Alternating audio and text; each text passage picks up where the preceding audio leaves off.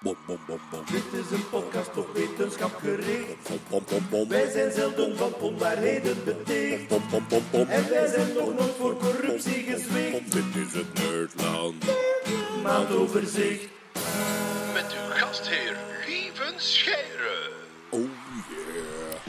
Een goedenavond, dames en heren. Dit is het Nerdland maandoverzicht van eh, januari 18. We zijn nu begin februari, dus misschien sluipen er een paar dingetjes in. Eh, we zitten met heel veel mensen hier en we hebben heel veel onderwerpen. Dus als dat maar goed komt. Bij ons zitten Jeroen Baert. Hoi. eh, Marianne Verhelst. Hallo. Kurt Beheid. Hallo. eh, Peter Berks, maar die zit niet aan de microfoon. Eh, eh, ja, de eerste keer bij de podcast. Entomoloog Ja. in, eh, in bijberoep. Eh eh, Nataka. Hoi. en Bart van Peer. Hallo. Goed, ja. Hetty is er niet bij. Helaas. En dat is, een, dat is een, een kleine ramp, want het was een maand vol met life science onderwerpen. Eh, er is er eentje waar we niet omheen kunnen, de gekloonde apen, dus die gaan we straks sowieso doen. Er zijn er nog een paar en ja, we gaan zien. Misschien schuiven we ze naar eh, februari als eh, Hetty er terug bij is, want er zitten een paar zeer Hetty, Hetty, interessante... Hetty is op skivakantie, dus ik veronderstel Ja. dat dat kankeronderzoek wel even kan wachten dan. Bon. Sava, dus zoals ik zei, we hebben heel veel staan. Eh, we gaan beginnen met een beetje onnozel nieuws, want zo zijn we dat wel. Eh, Jeroen, er is een eh, dolfijn in een octopus gestikt, of meer bepaald, een octopus heeft een dolfijn gewurgd. Ja, dat stond op National Geographic en dat is blijkbaar de eerste dolfijn die ze in dode toestand zo gevonden hebben. Blijkbaar zo'n octopus, als die wordt opgegeten door zo'n dolfijn, dan kan die zich vasthechten aan de larynx van zo'n dolfijn. Het strottenhoofd? Het strottenhoofd, het dolfijnstrottenhoofd, het dolfijnlarynx. En eh, als er iets vasthangt aan je strottenhoofd en dat laat niet los, dan kan je moeilijk ademen, dan ga je dood. Maar dus concreet, ze hebben een dolfijn, een dode dolfijn gevonden. Ja, met, En- een, met, een, met een octopus in zijn bek. Leefde die octopus nog? Die octopus was ook dood, maar die heeft, die heeft zijn, punt, wel- zijn, punt wel gemaakt. En hebben ze die dolfijn opengesneden en dan kan je zien... Ik zal eh, in de podcast zal ik in een commentaar de link eh, posten. Het is vooral de foto die mij heel hard eh, aansprak, want het is echt een dolfijn die zo de blik heeft van ik heb te veel gegeten op restaurant en die octopus was er te veel aan. Maar dus het was een dappere poging van de octopus, maar uiteindelijk is hij toch ook gesneuveld. Ja, klopt. Weten ze of die octopus dat bewust deed, of dat dat gewoon een ongeval was? Wel, het, het, er is al lang een theorie dat octopussen zich heel hard kunnen verdedigen. Octopie. Octopie, excuseer, octopie. Ik denk het niet, maar ik zeg het gewoon om pedant te doen. Ja, oké, dat, is, dat is gelukt. Ehm, de- octopussen zijn best wel gemene beesten. In Octopie, sorry, ik zeg het gewoon om irritant te doen.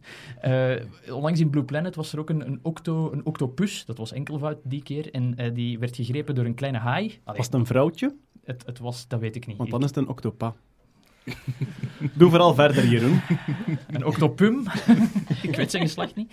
Eh, en die werd gegrepen door een haai. En die, eh, die octopum die, eh, hield met enkele van zijn ten- tentakels de kieuwen van die haai toe. Zodat die haai moest lossen. Dat vond ik ook zoiets van, potverdorie, goed, goed gedaan, octopum. Dus echt bewust Ja. van, dit beest eet mij op, ik ga hier eens op duwen, dan kan Ja. hij niet meer ademen. Ja. Ongelooflijk. Ja, de, mooi. de vraag is dan, ehm, enfin, ik denk, denk dat ik het antwoord wel weet. Hè. Je kunt je dan afvragen, is dat evolutionair biologisch gedrag? Of is dat een octopus die echt denkt, ik ga nu eens die kieuwen dichtduwen? Ik vind het vooral grappig. Ehm, Mijn grootste Nature vermoeden... or nurture. Mijn grootste vermoeden is ehm, ja, biologisch evolutionair gedrag. Ik kijk naar. Peter Berks Veronderstel van wel, ja. en die knikt, ja. Die knikt zachtjes van, ik veronderstel van wel. Een octopus heeft niet zoveel, zoveel eh, eh, denkpatronen, denk ik. Hè? Dat is, dat is niet waar. Dat is niet waar. Er zijn, eh, er zijn voorbeelden van octopi die ehm, bijvoorbeeld ze sluiten die op in een pot met een draaideksel. een octopot. Een octopot, ja. Voilà, de octopus in de octopot. Ehm, en die geraakt eruit. Die heeft door dat als hij zijn tentakels in een bepaalde cirkelbeweging beweegt, dat hij dat deksel opengedraaid krijgt en daar gewoon uit kan ontsnappen. Dus, Dus ik de- zou het niet zo hard onderschatten, het denkvermogen Nee. van Ja. een octopus. Er wordt een beetje gehamfeld aan de microfoon, je hoort dat waarschijnlijk, om die eh, in stelling te brengen Ja. voor eh, Peter Berks. Wel Peter, ja, ik moet, ik moet Kurt daar gelijk in geven. Hè. Octop. Ja. Ehm, eh, strikt genomen is het octopoden. Ik wou Ja? gewoon een mop maken, dus zeg maar gewoon octopussen vanaf nu. Hè.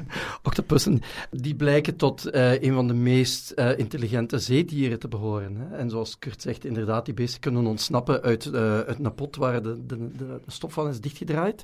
In hetzelfde filmpje in, in Blue Planet zie je dat eh, diezelfde octopus die daar eh, zijn, zijn tentakels in de kieuwspleten van die haai steekt, even later zelfs ehm, zichzelf volledig camoufleert met een hele hoop schelpen waar hij, waar hij dan in gaat zitten waardoor die haaien volkomen het spoor bijster geraken. En die, zien- die, die ruiken hem wel, maar die kunnen hem niet zien. Dus ehm, die beesten zijn, zijn enorm intelligent. Eh, Dat is wel wonderlijk, want Ja. ik zou bij een, bij een octopus zou ik direct denken aan evolutionair, gewoon geëvolueerd gedrag, maar het is wel heel complex wat dat ze allemaal Ja. doen. ja, ja, er zijn zelfs gevallen bekend waarbij een octopus, en daar zijn zelfs beelden van, ehm, twee helften van een schelp gewoon meesleept en van het moment dat die wordt aangevallen, gewoon daartussenin kruipt en die gewoon dicht houdt. Dus eh, die beesten, ja, die zijn ongelooflijk Ik intelligent. heb in een Muppet. Show ooit een octopus op een xylofoon zien spelen. Ik wil het maar zeggen. Tot zover de wetenschappelijke referentie van Jeroen Buit. Ik heb het gezien in de Muppet Show. Maar dus, eh alleszins, ja, er is een octopus die een dolfijn gewurgd heeft. Ja. Mogelijks bewust. Ja. Ja, oké. We gaan over naar eh, het volgende. Er is een eh, drone in Australië, heeft een drone twee drenkelingen gered. Marian. Ja, en ik vond het wel interessant omdat we altijd aan drones denken als killerrobots en Ja. van die ja, dingen die mensen doodmaken. Maar meer en meer worden ze dus ook ingezet om mensen te redden. En in dit geval was het eigenlijk bijna puur toeval, want ze waren die drone gewoon aan het testen. Dus ze hadden een nieuwe drone gekocht die in de toekomst ging mee eh, patrouilleren met de, met de kustwacht. En die, ze waren daar een beetje mee aan het rondvliegen en er waren mensen, of ze waren hem aan, aan, nog aan het lanceren en er waren mensen in gevaar. En dan konden ze op 60 seconden of 70 seconden die drone daar naartoe sturen. Mensen in de zee die niet meer terugraakten. Dat, dat ding lanceert dan een soort van eh, dingetje dat opblaast als het het water raakt. Een drijfkussen. Ja, een drijfkussen. Die mensen konden zich daaraan vasthouden en teruggaan. Ja. En die drone kan veel meer dan dat. Die kan eigenlijk ook als die aan het patrouilleren is, zien waar er haaien zijn en of er surfers in de buurt van de haaien zijn. Dat is beeldherkenning. Dus hij Eh, ziet ja. echt het verschil tussen een, een andere vis, een haai, een dolfijn. Een haai, een dolfijn, een surfer. En, en Ja. op basis daarvan worden er dan waarschuwingen gegeven. Of een octopus Ja, gelanceerd. ik was, ook- ik was, ik was ook aan het denken van, ik zou voor Dan zegt hij, octopus... hi, hi, pas op, er is een octopus in de buurt. Bedek uw kieuwen. Nee, bedek uw kieuwen niet. Is dat, is dat ehm, artificial intelligence, eh, die eh haai-herkenning? Of, eh, Ja, dat is beeldverwerking en daar wordt de laatste tijd meer en meer van die diepe neurale netwerken voor gebruikt. Mhm. Die zorgen dat je eigenlijk enorm eh, goed zaken kan herkennen in, in heel veel verschillende vormen. Dus vroeger konden we heel goed haaien herkennen, of eender wat, als het maar altijd mooi er hetzelfde uitzag. Ja. En nu, met die nieuwe soorten artificiële intelligentie, als je maar genoeg trainingsdata opgooit, dan kan je eigenlijk heel geoccludeerde en, en dingen die een beetje vervormd zijn, toch nog herkennen. En dat, zeker hier is dat onder water, hè, dus nagelang hoe dat de golven zijn, is dat moeilijker om die haaien te herkennen dan anders. Maar als je maar genoeg traint in die netwerken, dan herkennen die dat allemaal. En ehm, zit die rekenkracht allemaal in die drone? Ah, wel, ik heb daarnaar zitten kijken, maar dat stond niet in de informatie die ik vond. Maar ik vermoed van niet. Alleszins, het hoeft niet. Want het is niet zo dat je gigantisch snel in real time dat moet herkennen. Je hebt gerust een aantal seconden de tijd om te zien waar die haaien zwemmen. Dus ik vermoed, maar ik ben er niet zeker van, dat die beelden gewoon doorgestuurd worden naar een, een centraal basisstationnetje en dat daar de berekeningen gebeuren. Je wilt ook aan land eigenlijk de alarmen hebben. Dus er is geen voordeel om al die intelligentie in die drone te gaan steken. Net zoals bij onze Siri. Onze spraakherkenning bij Siri zit ook niet in de telefoon, maar wordt naar een Ja. cloud-toepassing gestuurd. In de Apple servers. Hè. Eh, wat er wel nu in de nieuwe generatie telefoons zit, wel in je eigen telefoon de herkenning van je eerste keyword. Je zegt Hello Siri, dat herkent de telefoon in de nieuwste modellen zelf, want daar wil je niet te veel vertraging op hebben zitten. Maar heel de rest van je stroom stuurt hij gewoon door over het internet en herkent hij ergens, weet ik veel waar. En, en denkt u niet dat de evolutie gaat zijn dat er meer en meer op de telefoon zelf geprocessed gaat worden? Ja, zeker en vast, want mensen willen dat niet meer. Dat hun Ah, nee, spraak gewoon wordt doorgestuurd naar een of andere cloud. Want ja, alles kan onderschept worden. Je wilt je eigen data lokaal houden. Maar op dit moment is de rekenkracht daarvoor maar, nog wat op het randje. begint stilletjes aan wel te gaan. Zou je dan, als je gered bent door zo'n drone, ook het filmpje kunnen opvragen van je redding? Ik zou dat wel cool vinden. dat doet me denken aan zo'n Black Mirror afdeling, Ja, waar je alles Ah. kunt terugspoelen. Of zo in de Efteling, zo, als je zo de railway gedaan hebt, zo de foto.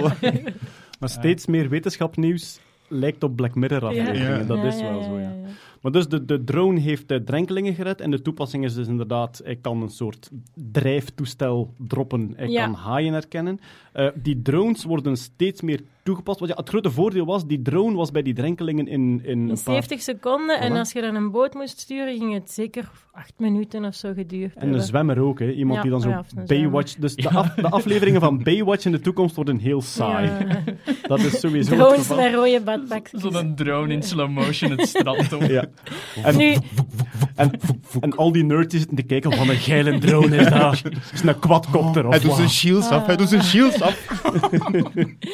nu, die drones die worden tegenwoordig ook al met van die ehm hartmassagetoestellen. Die steken Ja. ze ook al op drones, hè, om heel snel bij mensen met een hartstilstand te geraken. Dat is inderdaad de, de, een toepassing die al een tijdje in ontwikkeling is. Ik denk zelfs in Leuven dat ze van plan waren om er een te installeren. Dus centraal in de stad zou er een drone staan met een defibrillatiemachine op. Ja. En vanaf dat je het signaal geeft aan de, aan de noodcentrale, hier heeft iemand een hartaanval, vliegt die in een paar minuten eigenlijk, veel sneller dan de mug, vliegt die ter plaatse.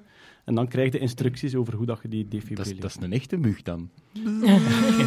Ik, ik had online een project gevonden om uw gsm op te laden aan zo'n defibrillator.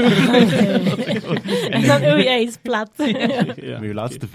Ja. Ja.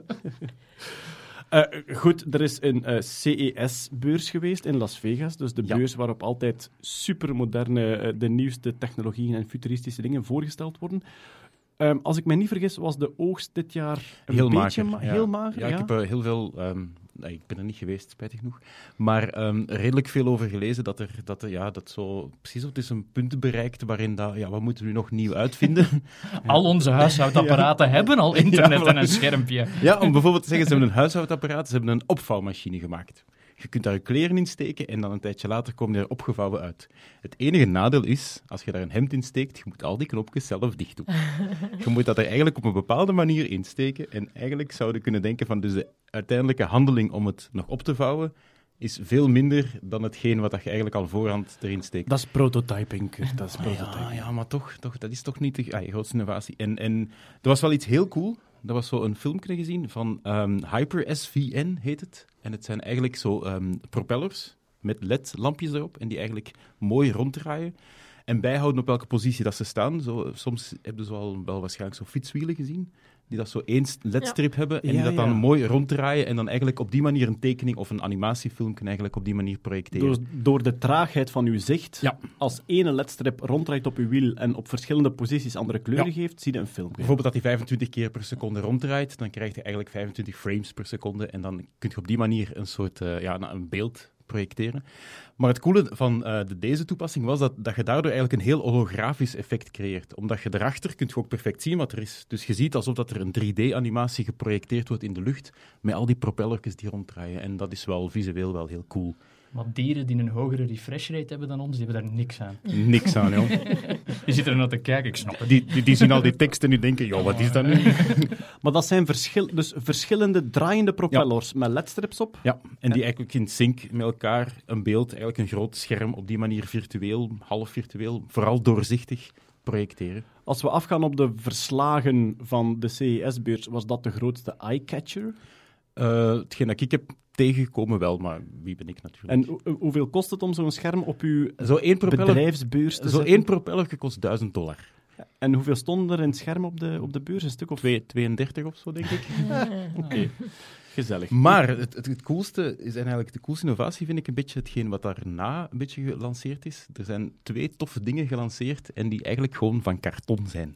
Dus karton ging lopen met de prijzen op Ja. de CES-beurs. Ja, het eerste was eigenlijk, ehm, iedereen kent zo de Google Cardboard, wat eigenlijk een bediende van Google, eh, een werknemer bij Google heeft dat zo in zijn 10% vrije tijd gemaakt, een VR-bril, waar dat je dan nu een bril, een VR-bril, waar dat je je gsm insteekt en dat je eigenlijk op die manier toch VR-gewijs kunt rondkijken, Ja. Eh, van karton.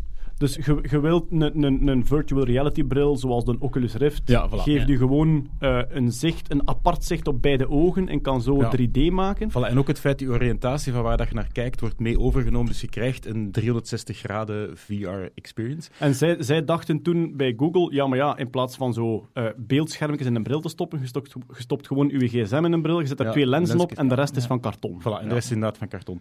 Ehm, en wel daar de, nu de augmented reality variant van. Eigenlijk ook de kartonnen doos, die dat je je gsm insteekt, maar met een extra lensje voor je camera Ah, van je cool. telefoon te gebruiken. Wacht, dus augmented reality wil zeggen, je krijgt geen volledig virtueel 3D-zicht, maar je ziet wat er rond u is Ja. en er wordt een laag opgezet. Ja, dus eigenlijk wordt er een laag toegevoegd aan de realiteit. Vandaar augmented reality. Met bijvoorbeeld Ja. concreet extra informatie over dingen die dat je ziet. Het typische Dus- voorbeeld is altijd de Terminator. Die, die ziet op zijn schermpje zo'n rood cirkeltje rond Sarah Connor komen. En Ja. dat is van, Ja. oh, die moet ik En vermoorden. in, in 2D dan was Pokémon Go hetzelfde. Namelijk, zag de omgeving en er werd een Pokémon opgezet. En Ja. dus op dit moment, augmented, augmented reality brillen zijn de HoloLens van Microsoft. Dat is de bekendste, ja. Die gigantisch duur is. Ik heb hem, ik Ja. heb hem opgehaald. een Die, tijdje ja, die alleen nog maar in Ja. prototypen ook, of voor developers beschikbaar is. Die is nog niet op de consumermarkt. Ja. Maar het bekendste En voorbeeld... De Magic Leap. Eh, Magic Ja. Leap was dat bedrijf dat Ja. met die een nieuwe uitgekomen Daar is. in de vorige podcast ook over Inderdaad, ja, klopt. Ja. Maar maar- hier heb je dan die smartphone filmt en die toont eigenlijk gewoon wat hij filmt en daarbovenop een paar extra Ja, voilà. dingen. Eigenlijk hetgeen wat dat zo in de laatste versie van het operating systeem van eh, de iPhone ook al zit, dat er eigenlijk heel veel apps kunnen ontwikkeld worden. Ja. Alleen zit je dan met een toestel vast, terwijl dat ze nu eigenlijk gewoon een kartonnen omhulsel gemaakt hebben, zodanig dat je dat perfect op je ogen En kunt ze, kijken. ze hebben niet een bepaald aantal vaste apps, maar ze hebben het eigenlijk opengemaakt zodanig dat iedereen er apps kan bovenop schrijven. Of... Ah, wel, Lieven heeft hem al gekocht Ik eigenlijk. heb hem gekocht. Het, het, het, he- het Ah. heet, het heet eh, Zapbox en de website is zappar.com, dus Z-A-P-P-A-R.com. En dus het is hetzelfde principe als Google Cardboard. Dus ze hebben gewoon heel slimme software ontwikkeld die via die camera de omgeving toont. En dan is het, vanaf dan is het eigenlijk niet zo complex om daar Ja. een laag op te zetten. Ehm, en het geheel kost 30 euro. Dus voor 30 euro Heb je een augmented heb je reality een bril? augmented Maar je reality koopt bril. dan de, de app plus het kartonnen doosje of dat knutselt je zelf? Wel, het wonderlijke is, de app is gratis. En Ah. alles wat van karton is, kunt je gratis afdrukken Ah, op ja. hun website. Het enige, je kunt het afgedrukt kopen in die een box, dan heb je het veel schoner op stevig karton. En dan zit er ook een lens bij. Want ze hebben een lens ontwikkeld die ervoor zorgt dat het beeld van je telefoon optimaal is om de Ah. omgeving te soort zien. fish islands. Ja, je kunt het ook met de gewone lens van je telefoon doen, maar dan verliest je veel hoeken en kanten enzovoort. Doen die mannen van Magic Leap niet in hun broek nu? Ja, dat is een goede vraag. Ja. Op zich zou dat goed kunnen, want al die augmented reality toepassingen nu willen het echte licht van de omgeving door een bril laten komen. Hè. De, de HoloLens is Ja. een doorzichtig display waar iets opgezet wordt. En ja, die, die gasten van die Zapbox zijn gewoon heel slim geweest door te zeggen, is het niet veel simpeler om de omgeving te filmen en daarop de berekeningen te maken. Dus het zou kunnen dat ze bij Magic Leap nu een beetje nerveus aan het worden zijn. Ja, maar ik geloof toch niet dat, dat, dat we het op onze gsm gaan blijven doen. Want uiteindelijk niemand gaat met een gsm voor zijn ogen lopen. Ah ja, even om te spelen wel, maar niet voor lange tijd. Ja, we hebben dat nu wel gedaan vorige Ja. week. In een Chinees Ja. restaurant Die, zijn wij... die mensen wisten niet wat dat ze zagen. Dat was... Ja, dus... eh, eh, Oh, nee. Dankjewel trouwens, Jeroen, om de, een servies van de tafel te redden Ja, voor je ja. het op de grond gekegeld had. Kurt, Jeroen en ik zaten in een Chinees restaurant en we hebben dus even die Zapbox uitgetest en we zaten alleen. Dus, maar het is ook heel slim gemaakt. Je, je legt een paar QR-code-achtige dingen op de vloer, waardoor dat die heel goed herkent, weet. ja, waardoor hij heel goed herkent welk vlak dat de Ja. vloer is. En daar projecteert hij dat minigolfterrein op. En zelfs uw controllers, dus je hebt twee controllers in uw hand, dat zijn twee kartonnen staven met ook QR-codes op, waardoor het de perfecte positie weet. En het slimste van al vind ik, daar zit een knop, een kartonnen knopje op, en als je daarop duwt, gaat er een zwart streepje omhoog en naar beneden op die controller. En de telefoon herkent dat ook, en dat is dus schieten of een actie. Dus het zit heel knap in elkaar. ja. Maar zo het moeten gooien van die trackpads, of hoe dat ik het ook moet noemen, zo die punten waar... waar aan... Die, die QR-codes op de vloer, hè, ja. Ja, ja, ja. Dat lijkt mij zo nog het enige zwakke punt, of toch een groot zwak punt ten opzichte van de Magic Leap en ook al van heel veel andere apps die eigenlijk gewoon door je telefoon een beetje te bewegen, de ruimte op zich al scannen en daarna eigenlijk een heel goede een heel goede tracking van, van, hun, van hun overlay kunnen... Dat klopt volledig, maar we hebben dus, dus allee, ja, ook de rekenkracht van dat ding zit in je telefoon. Dus allee, ook als je rondkijkt, die berekening van die lens, die herberekening van de vervorming van die lens Mhm. naar je echt zicht, is nog niet optimaal. Dus je wordt daar heel misselijk van. Ja. Maar, Maar we ik zaten heb toch wel in een Chinees restaurant. Maar ik heb wel met veel lol staan minigolfen. En het verschil dat jij nu uitlegt, Bart, is een verschil tussen over de 1000 euro en 30 euro. Ja, ja, absoluut. Ja, ja. Bedoel, ik, Ja. ik vind het fantastisch. En vooral de grote poeha die er was rond Magic Leap. eh, al die investeerders die op een paar filmpjes en dan een hoop blind vertrouwen een hoop geld op tafel gesmeten hebben. En dan nu met dat product afkomen, ja, ik vind dat... Door een, een paar Best een slimme grappig makers. verhaal. Ja. Als je wilt zoeken op de technologie erachter, ik ga het niet uitleggen, dan moet je structure from motion zoeken. Dat zijn eigenlijk technieken die op basis van bewegend beeld eh, en feature detection dingen kunnen afleiden over eh, objecten. Wordt, werd bijvoorbeeld al tien jaar gebruikt door Google in Google Maps. Als die met een auto door de straat rijden, dan gaan die ervan uit van oké, we gaan waarschijnlijk huizen tegenkomen en we kunnen ervan uitgaan dat die gevels recht omhoog staan. En zo Ja. kun je een hele hoop assumpties doen die je rekenkracht dat je nodig hebt op toestel veel lager maken. Want bijvoorbeeld, we hebben dat ding nu niet getest in, in het Chinese restaurant op iets met super reflectieve oppervlakken of in een spiegelpaleis of zo. Alle dingen die ik zou doen om dat kapot te maken. Ja, maar ik denk ook ik denk dat, dat het dan niet nodig heeft, omdat het gaat simpelweg enkel en alleen maar af op die zes QR-codes Ja. die op de vloer liggen ook. hè. Ja. Ja, maar dat, hetgeen daarbij is tof dat je, dat je user experience, om het met een hip woord te zeggen, dat is gewoon optimaal. Omdat het is maar 40 euro en je zet er eigenlijk gewoon met vier man, ja, Ja. toch voor een half uur, zelfs we hadden uren mee kunnen spelen, maar we hadden niet Ja. veel tijd, mee aan, aan, aan de slag. En dat is gewoon geniaal. En dat brengt ons bij het volgende, de tweede kartonnen inventie, die ehm, ook heel rondgegaan is, dus ik voel dat iedereen hem al gezien heeft, is eigenlijk van Nintendo. Die ehm, een uitbreiding op hun, ehm, hoe heet het nu weer, in de laatste console?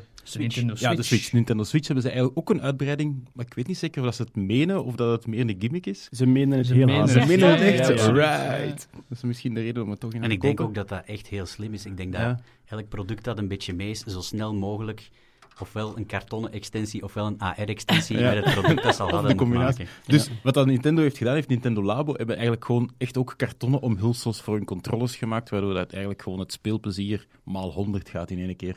Dat je eigenlijk de, de, alle sensoren die in die controllers zitten, van accelerometers tot, tot ja, whatever dat erin zit, dat je die maximaliseert door een extra omhulsel te maken en dat je echt gewoon met een vishengel aan het gooien bent naar iets. Dus de, de, de meeste mensen denken dan aan de Wii. Hè? Ja, voilà, het is Dus dat. Stuurtjes en zo. Ja, de Wii, waar dat je een controller hebt die altijd zijn eigen positie weet door accelerometers. Ja, ja. En dus, als je, je kunt nu al vissen met de Wii, namelijk je gooit een hengel uit, maar je hebt nog altijd in een controller vast. En dus nu maken ze een kartonnen omhulsel met een echte vislijn Ah, aan. Maar het schone is bijvoorbeeld, mijn kinderen die spelen ook heel graag met de Wii. Ik heb nog een Wii, dat is, dat is nog altijd keigoed. Zo dat is kei grappig om op een groot scherm te zien en de pixeltjes te tellen. Maar anyway, dat werkt nog altijd. En tot voor kort moesten daar zo van die plastieke omhulseltjes voor kopen om een stuurtje te hebben. En wat dat dus Nintendo nu uitgebracht heeft, is we maken dat gewoon in karton. Dus dan kan iedereen dat zelf thuis maken. Je, drukt dat af. En als online staat, dan je print dat dan uit. Ah, maar dan weet ik niet zeker hoe dat ze het gaan verkopen. Ik hoop het heel hard, Ja, dat ze net tof. zoals bij die Zapbox, dat ze het open source online gooien. Oké, maar wacht. Stel nu dat ze zeggen van, je kunt dat karton kopen bij ons. Dan duurt het toch maar twee dagen eer dat je op Instructables Oh ja, voilà. A4-bladjes kunt afdrukken Ja. die gekleefd op je eigen karton en dat ding vouwt. Dus als ze slim zijn, dan maken ze het open source. Hè? En ik denk ook wel dat ze toch een aantal extra sensoren of motortjes er toch bij gestoken hebben. Want er is bijvoorbeeld een robotje dat je kunt laten rondrijden. En voor zover ik weet zit er in die nieuwe Nintendo Switch geen ronddraaiende of motortjes of wieltjes of zo. Op 2 en 3 maart is er een demodag op eh, Technopolis. Ik dacht dat ook net te zeggen, sorry. Ja, Ja. de- de- op, 3 maart, op 2 maart is het verscholen, dus dan moeten u inschrijven in het zesde leerjaar ergens als je mee wilt. Kan Ja. verdacht zijn. Maar op 3 maart is het voor het grote publiek. Ja. Zie je trouwens de paniek al in de talloze nerdogen als hun partner plots zegt zeg, ik heb kar- karton buiten gezet. hè." No! Ook zo, de dag dat papier buiten staat, gaan alle nerds, alle nerds gaan looten. Zo scavengers. Ik was aan iets viezers aan het denken. Waarvoor heb ik dat karton Ja, gebruikt? dat, is- dat, dat is gewoon de nieuwe korte keten van heel de economie. Ja, er wordt niet meer gerecycleerd. Nee, Al het karton wordt gebruikt al, door die, nerds. al die buizekjes van zo'n wc-rollen, daar kunnen een hele mooie, mooie lightsaber van Ja, maken. voilà. ik. Dacht de vislijn. Ah, ja. Ja. Goed, we gaan over naar het eh, volgende onderwerp. Jeroen Baart. Ja. Af en toe eh, hebt jij de uitspraak eet kak. Eet kak. Ja, Dat klopt. gebeurt al eens. hè. Klopt, Als je, als, ja, als je je dominantie over iemand wil bewijzen, dan zeg je alles eh, eet kak. Eet kak. Facebook. Inderdaad. Zoiets, Ja. voilà. Wel, tegen, ehm, tegen mijn moeder thuis, tegen gewoon, ik gebruik dat constant eigenlijk. Dat is, een dat is het mooie eraan. eh, wel eh, dus binnenkort kun je tegen een astronaut zeggen, eet kak, astronaut. Omdat dat dus letterlijk het plan is. Dat om, om dus de, de keten te sluiten in het ISS. Ze drinken nu al pipi. Dus er is al een, een soort ehm eh, pipi-zuiveraar die daar terug drinkwater van maakt. Wat op zich geen probleem is, omdat ehm, weinig mensen weten dat, maar pipi is niet vies. Pipi is helemaal niet vies. Het is ook niet gezond, zoals sommigen geloven. Er zitten veel afvalstoffen in, maar er zitten geen bacteriën in. Het is gefilterd door uw nieren, en dus eigenlijk is pipi een beetje biologisch inert. Dus je kunt daar eigenlijk niet ziek van worden, tenzij het op de weg naar buiten nog vuiligheid opgepikt heeft. Goed, feestjes of kaka is iets anders. Dat zit natuurlijk... Wat? Wel. Feestjes? Fe- feestjes, ja. Feestjes? Ja, van feestjes. Feestjes. Eh. Eh, ja, dus uitwerpselen of kaka is iets anders. Dat zit vol met vuiligheid, dus daar kun je heel ziek van worden. Vandaar ook dat wij biologisch gezien heel erg vies zijn van drollen in alle mogelijke vormen en geuren. Maar wat is nu het plan bij de astronauten? Je kunt die uitwerpselen wel gebruiken als voedingsstof voor eetbare bacteriën. Dus ze gaan niet rechtstreeks een broodje poep eten. Wat gaan ze doen? Ze gaan die, zoals we nu al doen met planten. Hè. We laten planten groeien op uitwerpselen en die eten we op. En de bedoeling is nu, in plaats van een soort volledig geploegde polder aan te leggen in het ISS, gewoon een soort incubator waar de uitwerpselen van de astronauten gebruikt worden om een soort eetbare bacteriesmurrie op te laten groeien, die dan waarschijnlijk gesteriliseerd wordt voordat die opgegeten wordt, met UV-licht of zo om die dan op te eten. Dus binnenkort eten ze, ehm, ja... Het is natuurlijk, in alle kranten staat er, astronauten Ja. gaan kaka eten, omdat dat gewoon veel, Ja. veel, veel meer giechelwaarde heeft. Maar die En- astronauten lezen hun instructies niet in de kranten. Hè? Dat is van, ah, vanaf nu eten we kak blijkbaar. Maar volgens mij zijn dat nog altijd polderse lieven, alleen bediend door bacteriëntractorkjes en zo. Dat zou echt de max zijn, zo nanobots. Ja, maar inderdaad, dus het is goed dat je het zegt, Jeroen, want kinderen die astronaut willen worden, Voilà, die ja. denken, nee, nee, ik ga al eens een nee. beetje oefenen. Dus niet doen. Er zitten, er zitten enkele tussenstappen tussen die in de headlines Heeft u eten weer tegen de muur gesmeerd? Al die zwervers in de stations. Jokes on you, NASA, ik doe dat al twintig jaar. We gaan, we gaan recruiten op straat. NASA recruit op straat. Dat is misschien zo uitgevonden van de ene NASA-medewerker tegen de andere. Die zei van, weet je wat jong, eet kak. Hmm, daar zit een richting in. Ja. Goed, maar dus eh, uw, uw advies, hè, Jeroen, uw Ja. jarenlang advies is door Dank de je. NASA opgepikt. Eh, Ja. eet kak. Het volgende nieuwsje. Wetenschappers hebben eh, kippen gekweekt met dinosaurusgezichten. Nata. Het klonk wel weer iets cooler in de titel dan het eigenlijk is. Maar even ter achtergrond. ehm, vogels zijn geëvolueerd uit dino's. Vogels zijn dino's, hè? Ja, eigenlijk, wel. Het is niet zo dat die van de Tyrannosaurus komen. Het is een bepaald soort dino's dat geëvolueerd is traagjes naar een vogel. Dus dat is dan eigenlijk een, een, een heel smal segment van de dinosaurussen die die meteorietinslag Ja. overleefd hebben en die geëvolueerd zijn tot onze Wat hedendaagse nu vogels. vogels noemen. Ja. Er is zo'n link, ehm, de Archaeopteryx. En dat is een soort van... Dat is de oervogel eigenlijk. Maar die zag er nog wel uit als een dinosaurus. Dus mega cool dinovogel eigenlijk. En ehm, die had vleugels en veren en zo al, maar geen snavels. Die zijn blijkbaar pas 40, 50 miljoen jaar in de evolutie van vogels gekomen. En is dat dan echt een bek met tanden dat die hadden nog? Ik weet niet zeker of die een bek... Ja, Denk ik denk, wel, ik denk ja. dat die echt Peter, gewoon Peter knikt van wel, dus ja. Peter mag terug in de zetel gaan. Stel u een velociraptor voor dat door lijm gerold heeft en dan door een hoop veren. ja. Dat is een Oké, Archaeopteryx. Dus eh, eh, Peter, de, de, de dino's, dus de, de dino's die tot de vogels geleid hebben, hadden wel veren en konden vliegen waarschijnlijk, maar hadden een bek met tanden dan. Eh, ja, en wat, eh, wat men vermoedt is dat die genen niet verdwenen zijn, maar dat die eigenlijk gewoon afgezet zijn. Er is, eh, er is een, een Amerikaanse redelijk excentrieke paleontoloog. Degene voor de tanden bedoelde. Ja, niet alleen. Ehm, ik geloof dat hem Jack Horner heet. Die heeft een aantal jaren terug zo een, een artikel ge, ge- laten publiceren in Wired. En hij beweerde dat hij eigenlijk een Chickenosaurus kon maken. Dus eigenlijk uit een kip een dino kon terug reconstrueren. De genen zijn er nog, De maar genen zijn er gewoon nog. met een en, en dat is schakeltje... dus een van Ja. die dingen. Dus er zijn af en toe kuikens of embryo's eh, van vogels die worden geboren met een bek vol met tanden. Of met een staart die dus niet eh, enkel uit pluimen bestaat. Niet zo'n stompje waar een hele hoop pluimen op staan. Maar dus echt een lange staart, Een zoals die, die, die raptors bijvoorbeeld. Een mini-velociraptor-staart. Ja, ja, ja, ja. En er zijn een aantal dingen, ik geloof dat het vijf of zes kenmerken zijn. Dus het is een bek met tanden, het is die lange stijve staart, het is de positie van de dijbeenderen. Er zijn nog zo'n paar dingen. En hij beweert dat hij door het terug aanschakelen van die genen eigenlijk gewoon een, een dino terug kan recreëren. Ik voel En hier, dat eh, is een van die dingen. Ja. Ik voel hier een soort eh, nieuwe plotwending bij de Jurassic Park films omhoog Want- want komen. Klopt het dan dat dat eigenlijk gewoon eh, afwijkingen zijn en dat stiekem die kiekers terug dino willen worden misschien? Eh, Ik, ik veronderstel dat, ja. Diep van ambitieuze binnen willen we dat allemaal eigenlijk. Het geheime plan van de kippen is terug. Die, die zijn gewoon zo. Ja, ja, eet ons eieren maar op. Wacht maar. We komen terug. Geeft die geen CRISPR, hè. Maar dus, eh, de, Ja. de, de kip die nu geboren is met het dino-hoofd, was dan bewust Ze gemanipuleerd is, ook. ze is niet geboren. Hij Ah. of zij is niet geboren, helaas. Ehm, Oh. Ze hebben in de plaats van zo genen terug te willen aanmaken, hebben ze hier gewoon, hebben ze hier gewoon de genen ehm, onderdrukt die zorgen voor de groei van snavels. Wetenschappers zijn gaan kijken naar wanneer zijn die snavels ontstaan en hoe, waarom en welke genen zorgen daarvoor. En ze hebben die geïsoleerd en uitgeschakeld. En het resultaat was, ze hebben dat toegepast op kippen, was een soort kippenembryo zonder snavel met zo'n soort kort snuitje.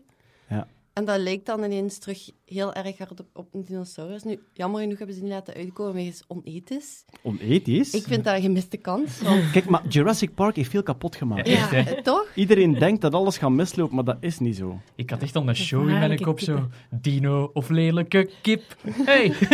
Ja, dat is toch cool? Allee, zo, Dat is toch tof? Een kip met een dinosaurus, ik zou dat in mijn tuin willen. echt. Ik vind, ethisch gezien, mogen het toch... Allee, ik bedoel, daar kun je tegen shotten en dat is oké. Zo'n dino-kip, nee? Nee, schoppen niet echt. Hè. Je, je- je wilt wel het leed minimaliseren. Nee, nee, nee. maar- Ik heb erover van, stel dat dat, stel dat, dat, stel dat, dat ehm, uitbreekt uit je kleine kippenpark, dan kan je ze nog aan. Ik was eerder aan het gevaar aan het Ah, denken. ja, ja. Puur ethisch gezien is er helemaal niks mis mee om dikke ja. kippen te maken. Ja, volgens de wetenschapper zouden ze, zouden ze wel gewoon kunnen overleven als een soort van hybride dino-kip. Ja. Waar wachten we op? Ja. Maar het is eigenlijk hetzelfde wat ze willen doen met de mammoet. Hè. Dus ze willen de mammoet ook terugbrengen. En dan Ja. deels moet je mammoetgenen implanten bij Indische olifanten. Maar er zitten in Indische olifanten ook nog ook uitgeschakelde mammoetgenen die ze terug zouden kunnen aanzetten. En Ja. dat aanzetten en uitzetten van genen. Wat, hoe werkt dat? En doe je op dezelfde manier iets uit en aan, of zijn dat totaal andere... In dit geval hebben ze gewoon gekeken naar de proteïnen die zorgen voor de vorm van die snavel. En die hebben ze geïsoleerd, maar ja, dat is via een heel specifieke techniek. En Hetty is hier niet om het uit te ja, leggen. missen Dat is een, Hetty. dat is een hetty onderwerp. hè. Maar het, het zou kunnen, ik weet het niet zeker, het zou kunnen dat ze via epigenetica gewerkt hebben. Dus epigenetica is eigenlijk, ja, toen dat ze de genetica een beetje aan het ontcijferen waren en dachten van, amai, het ziet er hier wel allemaal moeilijker uit dan we dachten, hebben ze nog een extra laag ontdekt, namelijk een methylgroep die op genen gezet wordt om die aan of af te Ah, zetten. En die ook door levensomstandigheden beïnvloed kan worden. Ja. En het zou kunnen dat epigenetisch is, ofwel, allee, genetica is zodanig complex. Genetica is een beetje het beste argument tegen intelligent design, want dat is een rommelboel, dat kun je niet inbeelden. En soms is dat gewoon een stuk genen die aan de verkeerde kant zitten en die dus niet blootgezet worden als, als het DNA opengevouwen wordt. Allee, het is, het is geweldig, geweldig complex. We vragen het gewoon aan Hetty de volgende keer. Eh, ja, mijn, mijn favoriete weetje over de kippen, dus de vogels die eigenlijk dinosaurussen zijn, is dat... eh, dus als je kijkt naar de Tyrannosaurus, onze huidige legkip staat zowel genetisch als in tijd dichter bij de Tyrannosaurus dan de Stegosaurus bij de Tyrannosaurus. Dus de Stegosaurus, daar zit veel meer tijd tussen. Dat is, ik denk, 201 miljoen jaar geleden en Tyrannosaurus is 60 miljoen jaar geleden. En de kip zit dus maar 60 miljoen jaar van, van de T-Rex. En de Stegosaurus zit daar 200 miljoen jaar van. En ook genetisch ligt onze kip veel dichter bij de T-Rex. Dus als je nog eens een dino-boekje ziet, plak daar gewoon een kip in. En dat is absoluut geen anachronisme. Dat klopt eigenlijk op een manier. En die vallen dinosaurussen veren in dat boekje. Wel, maar dat, is, dat ontdekken ze steeds vaker. Hè, dat steeds meer dino's fluffy zijn. Ja. Fluffy pluimen hebben. Stoort het u, Jeroen? Het is moeilijk om te renderen. Ik ben gewoon aan het denken van... Het is meer werk. Tegen als die dinosaurusjes een beetje plastiekig zijn, dat is gemakkelijk voor speelgoed van te maken. Dat is gemakkelijk te renderen. Dus- Dus, ja. De, de Jurassic Park films zijn net op tijd gemaakt. Ja, denk Over het tien wel. jaar moeten ze er niet meer aan beginnen. Nee, absoluut. Ja, Het budget moet dan omhoog en zo. Hoe, hoe agressief ziet een Tyrannosaurus er eigenlijk nog uit als je die gewoon fluffy maakt eigenlijk? Allee, dat is Ja, zo dat- raw, maar dan oh, ah ja. Komen die zijn handjes er dan nog uit?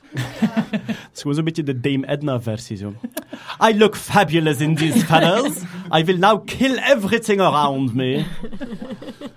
Eh, goed, we blijven bij de eh, prehistorie, want er was een schokkende ontdekking in de entomologie. En nu zit eh, Peter Bergs bij ons natuurlijk. En ja, voor sommigen zal dit klinken als huh? en voor anderen als wat? Deze zin. De vlinders bestonden al lang voor de bloemen. Ah, sorry, iemand moet... Peter, ten eh, eerste, wat is, er, wat is er spectaculair aan?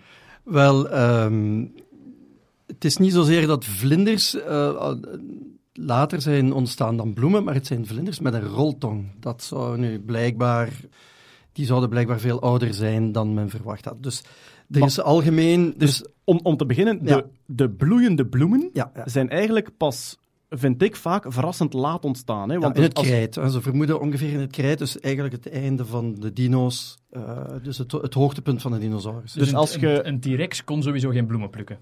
nee. Er zijn handjes waren te kort. Ja, ja, ja, maar... Maar dus als je, een, als je een kleurplaat ziet met een stegosaurus of een triceratops met bloemen er rond, Met een roos. Triceratops wel, maar een stegosaurus niet. Een stegosaurus is volgens mij Trias, dus die zit helemaal in het begin, Trias of Jura. Ja. Dus je hebt Trias, Jura, Krijt, dat zit tussen de... Nu moet ik even spieken, hè. Ehm, maar stegosaurus is echt van helemaal in het begin. hè. 250, ja, 250 miljoen jaar geleden en het einde van het Krijt, dus met de meteoriet, is 66 miljoen jaar geleden. En de bloeiende bloem, wanneer is die Ah, wel, die zitten dus in krijt. Dat is dan eh 100, 145 tot 66 miljoen jaar geleden dat Ja. die zijn ontstaan. En men vermoedt dat, allee, daar was men nu eigenlijk vrij zeker van, dat eh, insecten, zeker de hogere, en dan spreek ik over eh mieren, wespen, bijen, de kevers, de vlinders en de vliegen, die grote groepen, dat die eigenlijk ehm, samen geëvolueerd zijn met bloeiende planten en dat die elkaar eigenlijk hebben doen ontstaan. Was het niet een van Darwin zijn grote zorgen? Van hoe zit dat nu met die interactie tussen insecten en Ja, bloemen? En die ja. kunnen niet zonder elkaar. Die kunnen niet zonder elkaar. Dus als je gaat kijken naar, naar de evolutie, dan had je in het begin ehm, de bedekzadigen, dus de naaldbomen en zo, eerste sporenplanten. Maar goed, als je dan over hogere planten spreekt, heb je dan eerst de naaldbomen en die, dat zijn windbestuivers. En dan gaandeweg zijn er dan planten ontstaan, de bedekzadigen zijn dat dan, of de angiospermen. Die hebben dan stuifmeel ontwikkeld, wat eigenlijk heel specifiek is gemaakt om door insecten te kunnen eh, worden verspreid. En wat blijkt nu? Dus men vermoedt dat die twee partijen eigenlijk elkaar hebben doen ontstaan. Dus eh, er is altijd zo'n idee geweest van, ja, hoe, is dat nu gekomen? Die, die planten die produceren een hoop stuifmeel en daar kruipen dan een hoop beestjes op, die beginnen dat op te eten en ja, uiteindelijk ontwikkelen die planten dan eh, een soort systeem om dan die dingen door die insecten toch mee te laten, laten meegenomen worden en naar een, naar een andere bloem te laten gaan.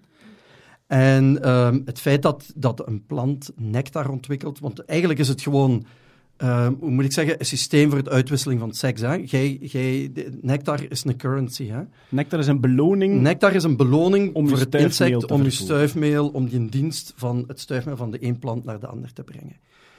En wat hebben ze nu gevonden? Dus ze hebben nu eh, in boorkernen in Duitsland, eh, die ergens uit de bodem van een of ander vijverke, pondskum noemen ze het dan. Hè? Dus ergens zo de, de, op de bodem van een vijver, hebben ze dus schubbetjes gevonden van de vleugels van vlinders. En dat is heel typisch, dus elke, je hebt 31 groepen insecten. En de vlinders zijn gekenmerkt doordat die op hun vleugels allemaal zo van die dakpannetjes hebben liggen. Wat blijkt nu? Ze hebben die dakpannetjes gevonden en die blijken 70 miljoen jaar ouder te zijn dan wat ze tot nu toe altijd hebben gevonden. En ze weten dat het door vlinders zijn omdat er bepaalde richels op zitten, omdat er perforaties in zitten die enkel en alleen bij vlindersoorten met een roltong komen. Nu, vlinders zitten ook in zo'n groep eh, ik weet niet of je schietmotten kent, eh, kokerjuffers. Ja, die zo Dus dat die zijn dus oprollen. die- Ja, dat zijn zo van die rupsachtige beesten die in de vijvers zitten en, en die maken dan zo een kokerke van eh gras, stengel, ah, stokjes of zand of hetzelfde wat. En die zijn heel sterk verwant aan vlinders, dus dat zit in, in evolutionair dezelfde herkomst. En ehm, ze weten dat, die, dat de vlinders eigenlijk ontstaan zijn uit, uit dat soort beesten met kauwende monddelen. Dat is, dat is de meest basisse vorm. Maar dan heb je nu vlinders die hebben een roltong. Voor die Heel nectar. spe- Heel specifiek voor die nectar. En het feit dat dat nu 70 miljoen jaar terug in de tijd wordt gecatapulteerd, zeggen zij van, ja, kijk, die co-evolutie is, is daar niet meer. En zij vermoeden, maar dat zijn deze wetenschappers, die, die vermoeden nu dat de roltongen er eerst waren. En niet dat de roltongen zijn ontstaan omdat de planten bloemen zijn gaan ontwikkelen waar dat je dan met de buizetje diep achter die nectar moet gaan zoeken. Zij zeggen, ah nee, de, de tongen waren er eerst en de bloemen hebben zich daaraan aangepast. En wat deden die met die tongen? Is daar een theorie Wel, over? ja, zij hebben een theorie dat ehm, in die tijd, dat is dus vlak na een eenmassa-extinctie, dus Triasura, dan heb je er ook ergens zo ene gehad waar, waar een hele hoop beesten en, en planten zijn doodgegaan. En ehm, zij beweren dat het klimaat dan vrij droog was en dat die beesten dat hebben ontwikkeld om vocht te kunnen opnemen. En wat, wat denken ze nu? Ja, eh, ook al die eh, primitieve naaldbomen moesten een soort nectarhoudende stoffen gaan produceren om stuifmeel dat door de wind wordt meegenomen, om dat te kunnen vangen. Hè. Je moet dat, dat wordt meegepakt, dus je moet iets hebben wat kleeft, dat als die stuifmeelkorrels op die, op die vrouwelijke bloemen terechtkomen, dat die ook blijven plakken. En zij vermoeden dat die beesten een roltong hebben ontwikkeld om dat op te beginnen zuigen. Er zijn ook, er zijn ook motten die met een roltong tranen opzuigen. Eh, ja, ja, ja, ja. Nee, bij mensen ook, hè. Ja? Ja, ja ik heb al een filmpje gezien, zo van zo'n mot, en die zit dan zo met, met die roltong zo over je oog te wrijven. Zo. Oké. Ja, want wat een, wat een tof huisdier. Ja. Want een, een, een, van de wilde, een van de wilde theorieën was, die vlinders hebben tongen om dinosaurustranen te drinken. Ja, maar er zijn ook Oh. vlinders trouwens die zelfs bloed zuigen. Hè. Er zijn dus die, die zo eh, op de rand van uw vingernagels daar zo eh, beginnen te boren. En, dan, eh, en dat zijn vooral de mannetjes. In tegenstelling Ja, tot bijvoorbeeld ja. muggen zijn het alleen de vrouwen die dan eiwitten nodig hebben om, ehm, om, om de eieren te kunnen produceren. Maar in het geval van die vlinders zijn het de mannetjes die bepaalde zouten uit uw bloed extraheren om zaadcellen te kunnen maken. Waarom zijn jullie sipdinosaurussen? De komeet. Droog jullie tranen. zeg maar, het- is misschien stom. Kan het ook gewoon niet zijn dat die bloemen wat ouder zijn? Dat zou ik dan denken om het simpel te houden. Van, oké, de vlinder is ouder. Big whoop, de bloemen zullen dan ook wel ouder zijn. Dat zou zijn ze daar ja. vrij zeker van dat bloemen...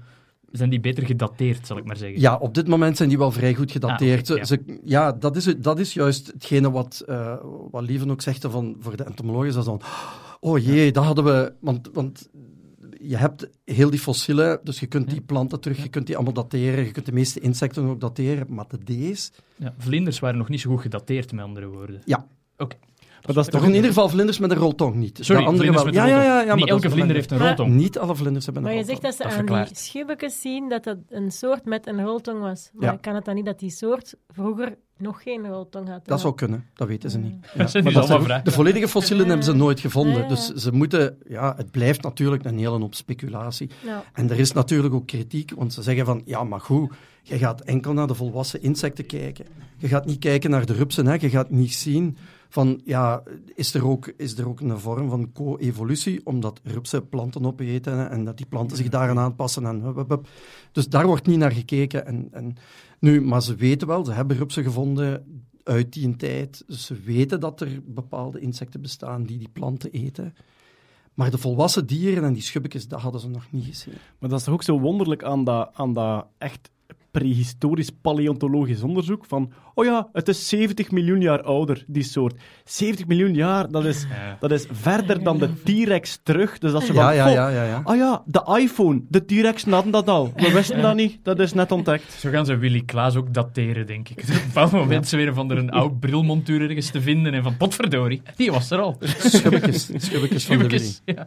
En zijn roltong, dat is de Willy, hè.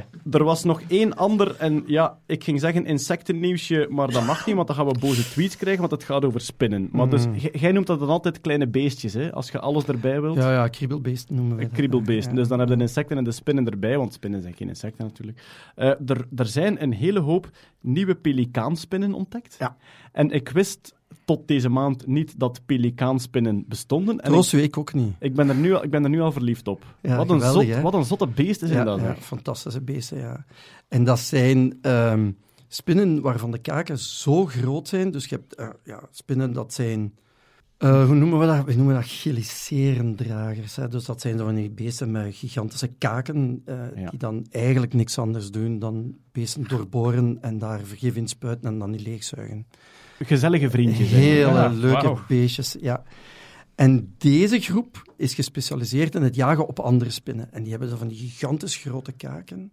En als je die dan in profiel bekijkt, dan zien ze eruit als een pelikaan. Dus die kaken, die zien er... Die, als ze Die zijn opgevouwen. Hè? Dat ja, zijn die zo... zijn, ja, die zijn opgevouwen. En als je die dus in profiel ziet, dan is dat precies het profiel van een pelikaan met die grote bek. Ja. En die beesten komen alleen voor, het zijn nu, ik heb het opgezocht, 37 soorten in drie families. In Zuid-Afrika, Australië en Madagaskar natuurlijk. Waar komen er, Wat er komen altijd er is, nergens zo Ja. coole beesten voor als in Madagaskar? altijd de speeltuin van de, van de evolutionaire Ja, biologen van in de Madagaskar. Dracula-mieren. hè. Wel, Ja, welke, ik ga even En de noteren. giraf- Ja, we zijn die... Eh, De, even- giraf, girafkevers. de girafkevers, Ja, ja, ook in absoluut. Madagaskar. Ook Madagaskar, We zijn die ja. aan het Welke, ja, we zijn, ik ben aan het noteren naar welke landen ik niet moet gaan. dus we Madagaskar. zijn- Hoe zijn- groot, hoe groot zijn die beesten? Oh, Ja, we. Oh, dat zijn eh, een, eh, een paar millimeter, hoor. Ah. Dat is niet giga- Maar dus, gigantisch De grote bedoeling is, die spin wil een andere spin opeten, maar Ja. die andere spin heeft natuurlijk ook gif en heeft natuurlijk Ja. ook eh, eh, kaken. Ja. En dus door die lange kaken uit te vouwen, als scharnierend, kan Kunnen die van, op afstand pakken. van op afstand die andere spin pakken. Jawel. Een soort, ja... eh, Telescopische kaak. Ja. Ja. Ja, ja, ja, ja. Maar ja, het is, het is mijn nieuw Als je lievelings. ze wilt googlen, moet je ze in het Engels doen. Want als je pelikaanspinnen in het Nederlands googelt, dan krijg je spinninglessen en trainingen van pelikanen. Dus pelic, pelican, Pelican spiders. Pelican Ja. spider. Ja, ja, ja. Nog een leuk weetje met een pelikaan, nu we toch over pelikanen bezig zijn. Er is vorig, eh, vorige maand is er iemand de toegang tot een vliegtuig ontzegd omdat ze haar gezelschapspelikaan wou meepakken. Dat was een dame, uiteraard in Amerika, die een gezelschapspelikaan had om haar kalm te houden op de vlucht. En dat was niet oké met luchtvaartmaatschappij Huppel de Pup. Hebben ze die laten wurgen door een octopus. Hier zie Het is mijn gezelschapsoctopus. Eet kak pelikaan, voor als je naar de ruimte wil. Ja.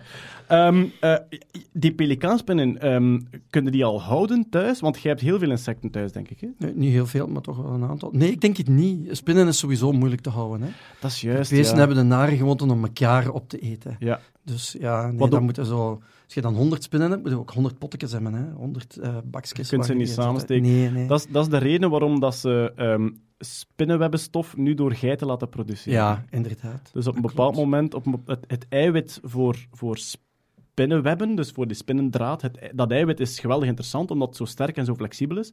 Dus dachten ze, misschien moeten we dat kweken en dat, daar toepassingen voor zoeken. En toen dachten ze van, ja, we maken een spinnenboerderij. En toen kwamen ze op het probleem, dat gaat niet, want die fretten elkaar op, je moet die allemaal apart steken, niet efficiënt. Wat hebben ze gedaan? Via CRISPR, alweer, de, ehm, het de DNA-sequentie voor dat specifiek spinnenrag-eiwit eruit geknipt, ingeplant in een geit tussen alle melkeiwitten, Ja. waardoor er nu spinnenrag in de melk... De spider goats. Waardoor er nu spinnenrag in de melk van die geiten zit. En er is nu een boerderij in Amerika waar ze spinnenrag uit geitenmelk halen, ja. Does klopt. everything a spider go does. Ehm, zeg, gewoon omdat we het nu toch hebben over insecten houden en huisdieren, kunt je die traandrinkende motjes thuis houden? Ehm, ik veronderstel, afplannen. motten is over het algemeen niet zo moeilijk. Hè? Als je de rupsen kunt kweken, dan de motten ook. Hè? Heb je een idee van welke soort dat, dat is? Of hoe Ja, dat kan ik terug- opzoeken. Ja, ja dat vind ik wel. Ja. Dat is goed. Ah, wel, zoek straks even op welke soort dat, dat is. En dan kunnen we kijken of dat we die kunnen kopen. En dan kun je thuis zo traandrinkende motjes houden die zo s'morgens uw slapers komen weglikken. Dat zou wel Zo om, om je lenzen proper te maken. Oh ja, dat zou ik tegen mijn vrouw moeten zeggen. Dat is waar. De lenzenmottekes. Ja. Goed, wij gaan over naar het eh, lange nieuws. In de, eh, in de hoofdpunten van deze maand zit helaas één gigantisch life science nieuwsje, namelijk er zijn apen gekloond. En het, ja, nu voelen we ons geweldig gehandicapt omdat Hetty hier niet is. Eh, er zijn apen gekloond, eh, dat was eh, terecht wereldnieuws. Dat is redelijk spectaculair, omdat ehm, het klonen van primaten, en dus ook de mens, blijkt technisch veel moeilijker zijn dan andere dieren. Er zijn al heel veel beesten die gekloond worden. Paarden worden bijna routineus gekloond. Eh, je kunt je huisdier laten klonen voor een paar tienduizend euro als je hetzelfde hondje nog eens opnieuw wilt. Maar die primaten is altijd moeilijk geweest en nu zou het toch gelukt zijn. Met de technieken die ook op Dolly toegepast werden en die toen niet toepasbaar waren voor de mens. Ehm, ja, er zijn ooit al primaten gekloond, maar dat was een andere techniek. Toen hebben ze eigenlijk artificiële tweelingen gemaakt. Dus je laat een eicel bevruchten Ja. en je splitst dat in twee en die twee propjes groeien elk uit tot een eigen primaat. Dat zou blijkbaar ook al kunnen bij de mens. Dus als je een tweeling wil bestellen voor heel veel geld, kan dat. Het klonen van die primaten zelf blijkt dan heel moeilijk. En nu ook, ik denk dat ze van 80 pogingen hebben ze er, zijn er twee geboren. En is nog afwachten hoe oud dat ze worden. Ehm, Maar dat was dus van een al oudere levende primaat. en wel, nee, dat is... Kapucijnenrapen, geloof ik, hè? dat Ja. niet? ja hè? De namen zijn Zong Zong en Hua Hua. En de reden Waar daar- zou het gebeurd zijn? eh, het was in China en de reden is... Kaprijk. De reden is dat Zhonghua is China, is namelijk middenrijk. Het rijk in het midden van de wereld, Zhonghua. En daarom hebben ze Zhongzhong en Huahua ter ere van het land eh, China gemaakt. Maar, en dat is ook nog een beetje een techniciteit, Peter, ze zijn gemaakt van foetuscellen. Dus van, van volwassen, zoals bij Dolly, van een volwassen, van een volwassen primatencel een kloon maken, lukt gewoon nog niet. Dus, ja. Maar dat heeft vooral te maken met de epigenetica ook. Hè? Ja? Dus blijkbaar, ja, ja, blijkbaar zou dat klonen ook... Oei, zo heb ik toch ergens eh, gelezen. Is, is het de epigenetica die dat onmogelijk maakt. En je zou eigenlijk zo een, de celkern volledig moeten strippen van alle epigenetische... Dus de methylgroepjes. En dan heb je nog... Het probleem is het niet alleen de methylgroepen die het DNA zelf, want dat zit op, de, op een van de vier letters, op de C, denk ik, dat je die methylgroepen kan zetten. Ja. Maar er zit nog een laagje boven, dus eh uw DNA is ook nog eens opgerold op ehm, bol, een soort bolvormige eiwitjes, de histonen. Ja. En op die histonen kunnen ze dan nog eens een keer acetyl, dus azijngroepjes zetten. En die bepalen dan of er, ehm, of er in, die, in dat oprollen of bij het afrollen lussen gemaakt worden, waardoor een stukje van het DNA dan uitleesbaar is, ja dan nee. Ah, oké, dus al, Dus als je hebt, al twee, je hebt al twee verschillende epigenetische methodieken om, om te verhinderen of juist te promoten dat bepaalde stukken van uw, van uw DNA worden uitgelezen of niet. Maar dus je DNA zit volledig opgerold. Ja. De boek is toe, je kunt het eigenlijk niet lezen. Ja. En door bepaalde chemische technieken af en toe komt er een lus naar buiten. En dan Ja. kan heel het mechanisme van de cel die lus bekijken en aflezen en nieuwe eiwitten maken. En een, en een, een echte zuivere stamcel, dus een eicel bijvoorbeeld, die pas is bevrucht, daarvan is al dat epigenetisch materiaal gestript. Dus daar is niks. En het is pas in, in de loop van de delingen, dus van de ontwikkeling, dat er bepaalde dingen worden bij opgezet. Waardoor bepaalde cellen dan gaan eh, ja, een oog worden of, of, of een darm worden of een stukje huid worden. En het is die epigenetica die dat bepaalt. Maar het is bijzonder moeilijk, het schijnt, om, om heel die epigenetische informatie daaraf te krijgen. Waardoor je dus eh, eigenlijk nooit vanaf nul kan beginnen. En voor zover ik had begrepen, is hoe hoger dat je... Ja, goed, eh, je mag dat eigenlijk niet zeggen, maar hoe hoger dat je op de evolutionaire ladder dus hoe meer dat je naar de primaten, naar de mens toe komt, hoe moeilijker dat, dat is om dat eraf te krijgen. Dus hoe primitiever is dan, tussen aanhalingstekens, uw, uw, uw organisme is, hoe makkelijker dat, dat wordt. Ja. Het waren langstaart makaken. Ik heb het ondertussen Ah ja, opgezocht. oké. hè. Langstaart Ja, ik dacht dat makaken. het kapucijnen waren, maar goed.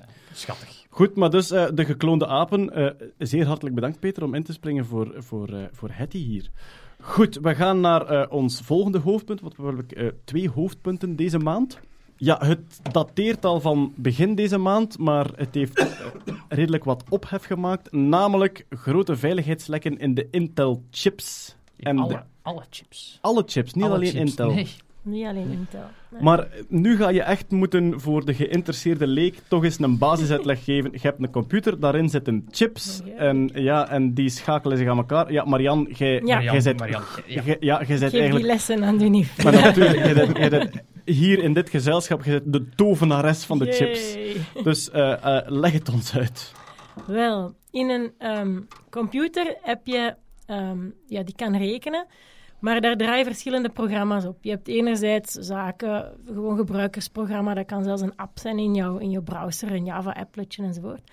En dan draaien er ook programma's die echt in je operatingsysteem heel diep van alles mogen. Die kunnen aan je paswoorden enzovoort. Dat noemen we eigenlijk de kernel. Dat is eigenlijk die kunnen dan gegevens op je, in je geheugen van je computer die super geheim zijn. Niemand mag daaraan kunnen, alleen het binnenste van je operatingsysteem. Maar iemand, iemand moet ermee werken, anders Ja. zouden ze niet werken. En dus dat is echt de Ja. kern, Ja, de dat is een, een, een klein stukje code en in die processoren, in al onze computers, hebben die stukjes code eigenlijk veel meer rechten dan alle andere stukjes code. Iets dat in je browser draait, dan mag helemaal daar niet in het geheugen gaan kijken.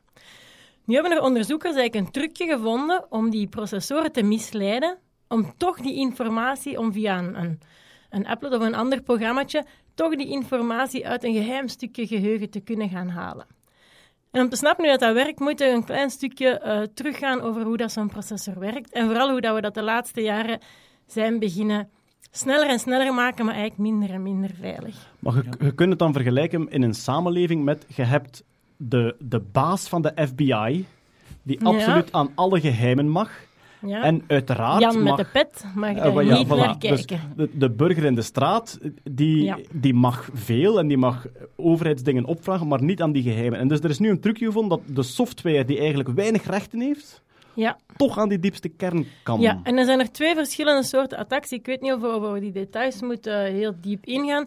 Maar eigenlijk komt het er altijd op neer dat in de moderne processoren, ehm, die willen zo snel rekenen dat die eigenlijk niet gaan wachten om bepaalde berekeningen uit te voeren tot ze zeker weten of die berekeningen toestemming hebben of niet. Stel, er komt een programmaatje en dat zegt, ik wil dat stukje van het geheugen bekijken dan gaan ze eigenlijk dat stukje geheugen al gaan ophalen. En pas als dat is opgehaald en het naar de processor gebracht is, hè, dat gaat naar het geheugen, we halen dat stukje eh, gegevens uit het geheugen, we sturen het naar de processor en als het daar is aangekomen, dan gaan ze checken, mocht dat programma dat eigenlijk wel gaan halen. Als dat mag, geen probleem, we gaan verder met rekenen enzovoort. Als het niet mag, dan krijg je exception, fault en dan wordt je computer dat programma geblokkeerd. En dan wordt normaal alle stapjes die gebeurd zijn, dus alle data die opgehaald is, wordt mooi, we noemen dat geflushed, hè, doorgetrokken, weggespoeld. En er zou dan normaal gezien niks van die data meer mogen achterblijven in de processor. En dan zou het veilig zijn. Dus we gaan terug naar de burger en de FBI. De burger wil documenten opvragen, maar om, voor de FBI om te checken of die een burger dat eigenlijk mag weten, dat duurt drie dagen. Dus zeggen ze, weet Dus de wat, secretaris gaat al naar, de, Ja. naar Ja. de kluis, ze gaat het al gaan halen. En tegen dat ze aan het loket is, moeten ze maar hebben uitgevist of dat, dat of eigenlijk mag wel mocht. Ja. Dus wat er nu eigenlijk gebeurd is, normaal gezien, als je dan zegt, oh ja, maar dit programma mocht er niet aan, foei, foei, foei, we spoelen alles weg, zou normaal gezien alle informatie ook moeten verdwenen zijn en kan het programmaatje eigenlijk daar niet mee verder rekenen.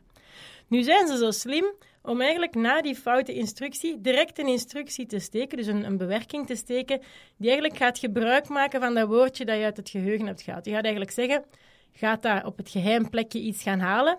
En als die waarde 4 is, doe dan A. Als die waarde iets anders is, doe dan B. En later gaan, dat gaat allemaal weggespoeld worden wat die waarde eigenlijk was. Maar later kan je met een trucje eigenlijk gaan zien, heeft hij nu pad A gedaan of heeft hij pad B gedaan? En zo kan je eigenlijk al een beetje informatie te weten komen over dat geheim stukje geheugen. Maar als we teruggaan naar de burger en de FBI. De burger heeft een document, de burger Ah, ja. heeft een document opgevraagd. Ja. De secretaresse is het al gaan halen. Ondertussen zijn ze aan het onderzoeken, mocht hij dat wel krijgen. De secretaresse geeft die persoon het document. Die doet dat al Nee, open. nee, nee. Nee, De nee, nee. secretaresse geeft het document niet aan de persoon. Nog voor die secretaresse terug is, zegt je tegen de persoon die aan de deur staat, als er eh, dit woord op het papier staat, krabt je in je haar. En als er een ander woord op het papier staat, krabt je onder je oksel. Maar die heeft dat papier al gezien dan. Ah ja, die kan dat papier eigenlijk zien, nog voor de secretaresse terug is bij degene die de controle moest doen. En die heeft een pet op en die zegt, als dat erop staat, zet ik mijn pet naar links. Als dat erop staat, zet ik mijn pet naar Daar rechts. komt het om neer. En als die secretaresse aan het loket is en die ziet, oh, hij mocht dat niet krijgen, verbrandt ze dat papier. Maar die persoon met zijn pet heeft al een teken gegeven. Oké, en de rest van het Daar systeem kan het zien aan de pet wat erin stond. Ja, als je heel slim bent en eh, heel technisch te worden, dan gaan ze gaan kijken wat er gecached is, op welke adressen er eigenlijk data is opgeslagen en op welke niet. Kan je gaan te weten komen welk, welk stukje data, welke bits eigenlijk in dat woord stonden. Nu, wat heel belangrijk is om te beseffen, is dat kan alleen maar omdat de computer gaat gokken. Hij gaat eigenlijk zeggen, ik denk dat je die actie mag doen, dus ik ga hem al doen. En computers, eigenlijk alle computerfirma's zijn er een soort red race begonnen. Hoe meer je kan gokken, hoe meer instructies hij al vooruit kan rekenen. Hoe sneller hij wordt. Hoe sneller de computer wordt. Dus om toch maar de snelste te zijn, heeft, en zeker Intel, begint nu tientallen instructies tegelijkertijd uit te voeren en dan nog eens tien instructies vooruit. Dus eigenlijk al te snel. Want de kost, de kost is hetzelfde. Als je, in een klokcyclus kun je een vast aantal Hmm. dingen doen. Stel dat je door een of andere combinatie van instructies, dat die klokcyclus niet vol zit, ja, dan kun je er beter Dat al wat dingen dat is weggegooid, instoppen. Dat is ja. weggegooid. Je kunt er beter al wat dingen instoppen ja. die dat je misschien nooit moet doen. Maar ja, het kost toch evenveel. Dus je, je staat op café, je weet nog niet wat de volgende klant gaat bestellen, maar je Ja. tapt alvast een pintje ja, en een wijntje. Nee, en niet ja. alleen. Ja, je doet dan een pint en een cola en een wijn, Ja, alles. ja, voilà. en dan staat het Ja. klaar. Eigenlijk de voortoog. Ja, ja. en dat doen ze hier eigenlijk, en we noemen dat speculatieve executie. Hè. We gaan gokken. Die computers gokken meer en meer, zoveel instructies op voorhand. En ze zeggen, ja, als dat fout was, dan, dan spoelen we dat door, het is weg. Als dat juist is, dan hebben we gewonnen. En daar beginnen ze gewoon heel ver in te gaan. En eigenlijk moet je dan alle eh, gevaren, eh, security risico's van een gok op een gok op een gok gaan uitvissen. En dat is niet meer te overzien. En daar hebben ze zich uiteindelijk laten vangen. En wat zijn, wat zijn nu de gevolgen? Dus het komt erop neer, programma's die dat eigenlijk niet mochten, hebben nu via die trucken toegang tot geheime info in uw computer. voor eh, Intel-processoren. Dus er zijn twee lekken ontdekt. Je hebt Meltdown en Spectre. Die hebben uiteraard die namen gekregen. Meltdown is om- omdat de, de, de muur tussen, eh, tussen burgers en de FBI-baas eh, wegsmelt. Vandaar Meltdown. Dus Meltdown is alleen voor Intel-processoren. Dat is een, dat is een, een, een caching-attack. Dat is dus inderdaad de uitleg met de secretaresse die het ding al gaat halen. Ehm, daar kunnen Intel-processoren, basically wat dat die kunnen doen, is: oké, vanaf nu wordt er niet meer gegokt. We gaan dat patchen overal. Dat kan, softwarematig. Maar dan wordt Het gokken wordt verboden. het gokken wordt verboden, maar dan gaat iedereen ook zeuren van oh, vroeger ging dat hier sneller in het café. Maar het is niet helemaal zo dat het gokken wordt verboden. Ze gaan eigenlijk zeggen, Extra checks op het gokken. ja, en, en iets dat niet van de kernel komt, dus van onze FBI-baas, dat gaan we veel, veel harder gaan, gaan checken. Of dat gaan we eigenlijk, altijd als we naar de FBI-baas zijn geweest en we komen daarvan terug, dan gaan we sowieso alles doorspoelen. Ja. Zodat er geen lekken meer kunnen zijn van het een naar het ander. Ja, en die hebben ze al bijvoorbeeld, daar- die patch bestaat al voor Linux bijvoorbeeld. En als je dan ziet naar de grafieken van je processorverbruik, dat is echt gewoon maal 2, maal 3 dat dat Maar gaat. dus terug even, de patch, dat is dan de, de maker van de software en de hardware, die stuurt een soort nieuwe software naar alle Enkel de computers. software. Ja, Ja, enkel software, ja, ja. ja. Om, om, dat, om dat lek te dichten. Dus het lek wordt dichtgeplamuurd met software, Ja. maar het kost u aan snelheid. Ja, eigenlijk, eh, om de metafoor van de voortoog, eigenlijk gewoon de voortoog wordt afgeschaft. Ja. Ja. Dus iedereen moet langer wachten op zijn pintje, of er moeten gewoon twee barmannen staan. Dat is hetgeen wat er gebeurt. Ja. De processor is slim genoeg eh, om, om sneller te gaan, of dan gaat hij meer blazen, dan gaat hij gewoon meer CPU-power gebruiken, tot op een bepaald limiet natuurlijk. Als Ja. het toog vol staat, ja, dan kunnen niet meer barmannen achter. Maar dus je je processor gaat gewoon zwaarder moeten werken.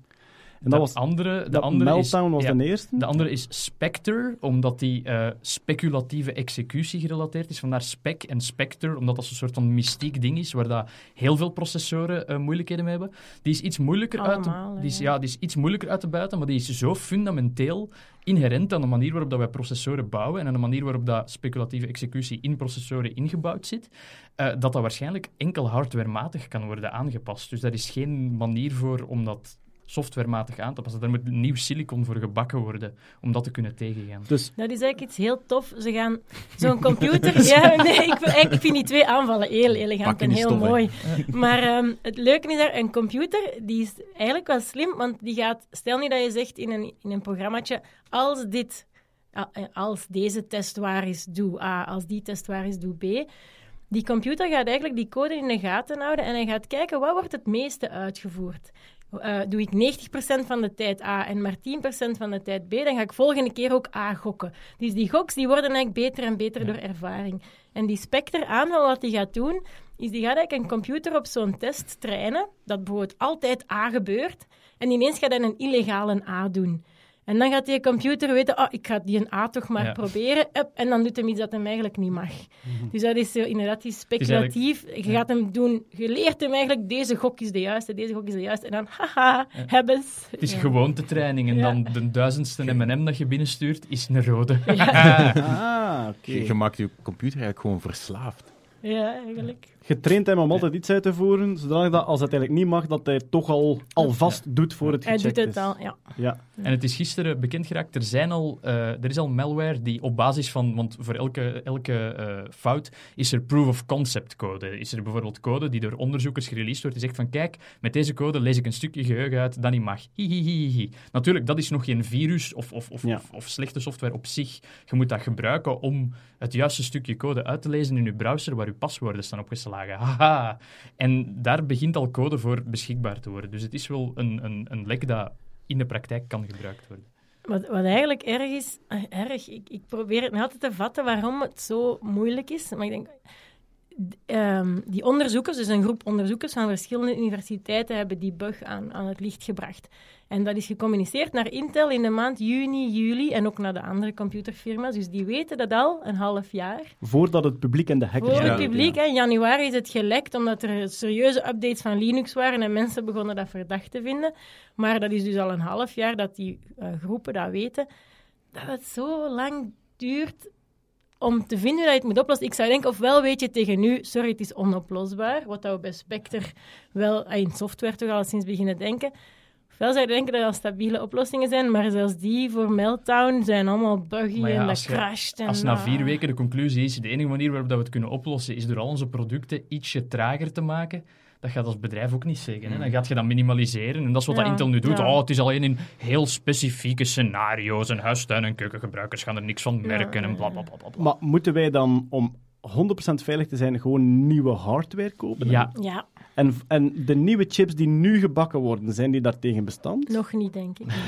Dus we moeten volgend jaar een nieuwe computer kopen. Amai, dat gaat Ja. Apple tof vinden. Goed, dus Die hebben een extra verkoopsargument bij. blijft iedereen een jaar... Ja, maar Spectre, daar heeft Apple evenzeer last Ja, maar dan, brengen ze een nieuwe iPhone uit en moet iedereen, ja, omwille van veiligheidsredenen, Ja, maar ik denk dat wel in die zin misschien wel de moment is om eh, aandelen van chip manufacturer of, of silicon boeren te, te kopen. Hè? Ja. Ja, doe al uw bitcoin, bitcoin.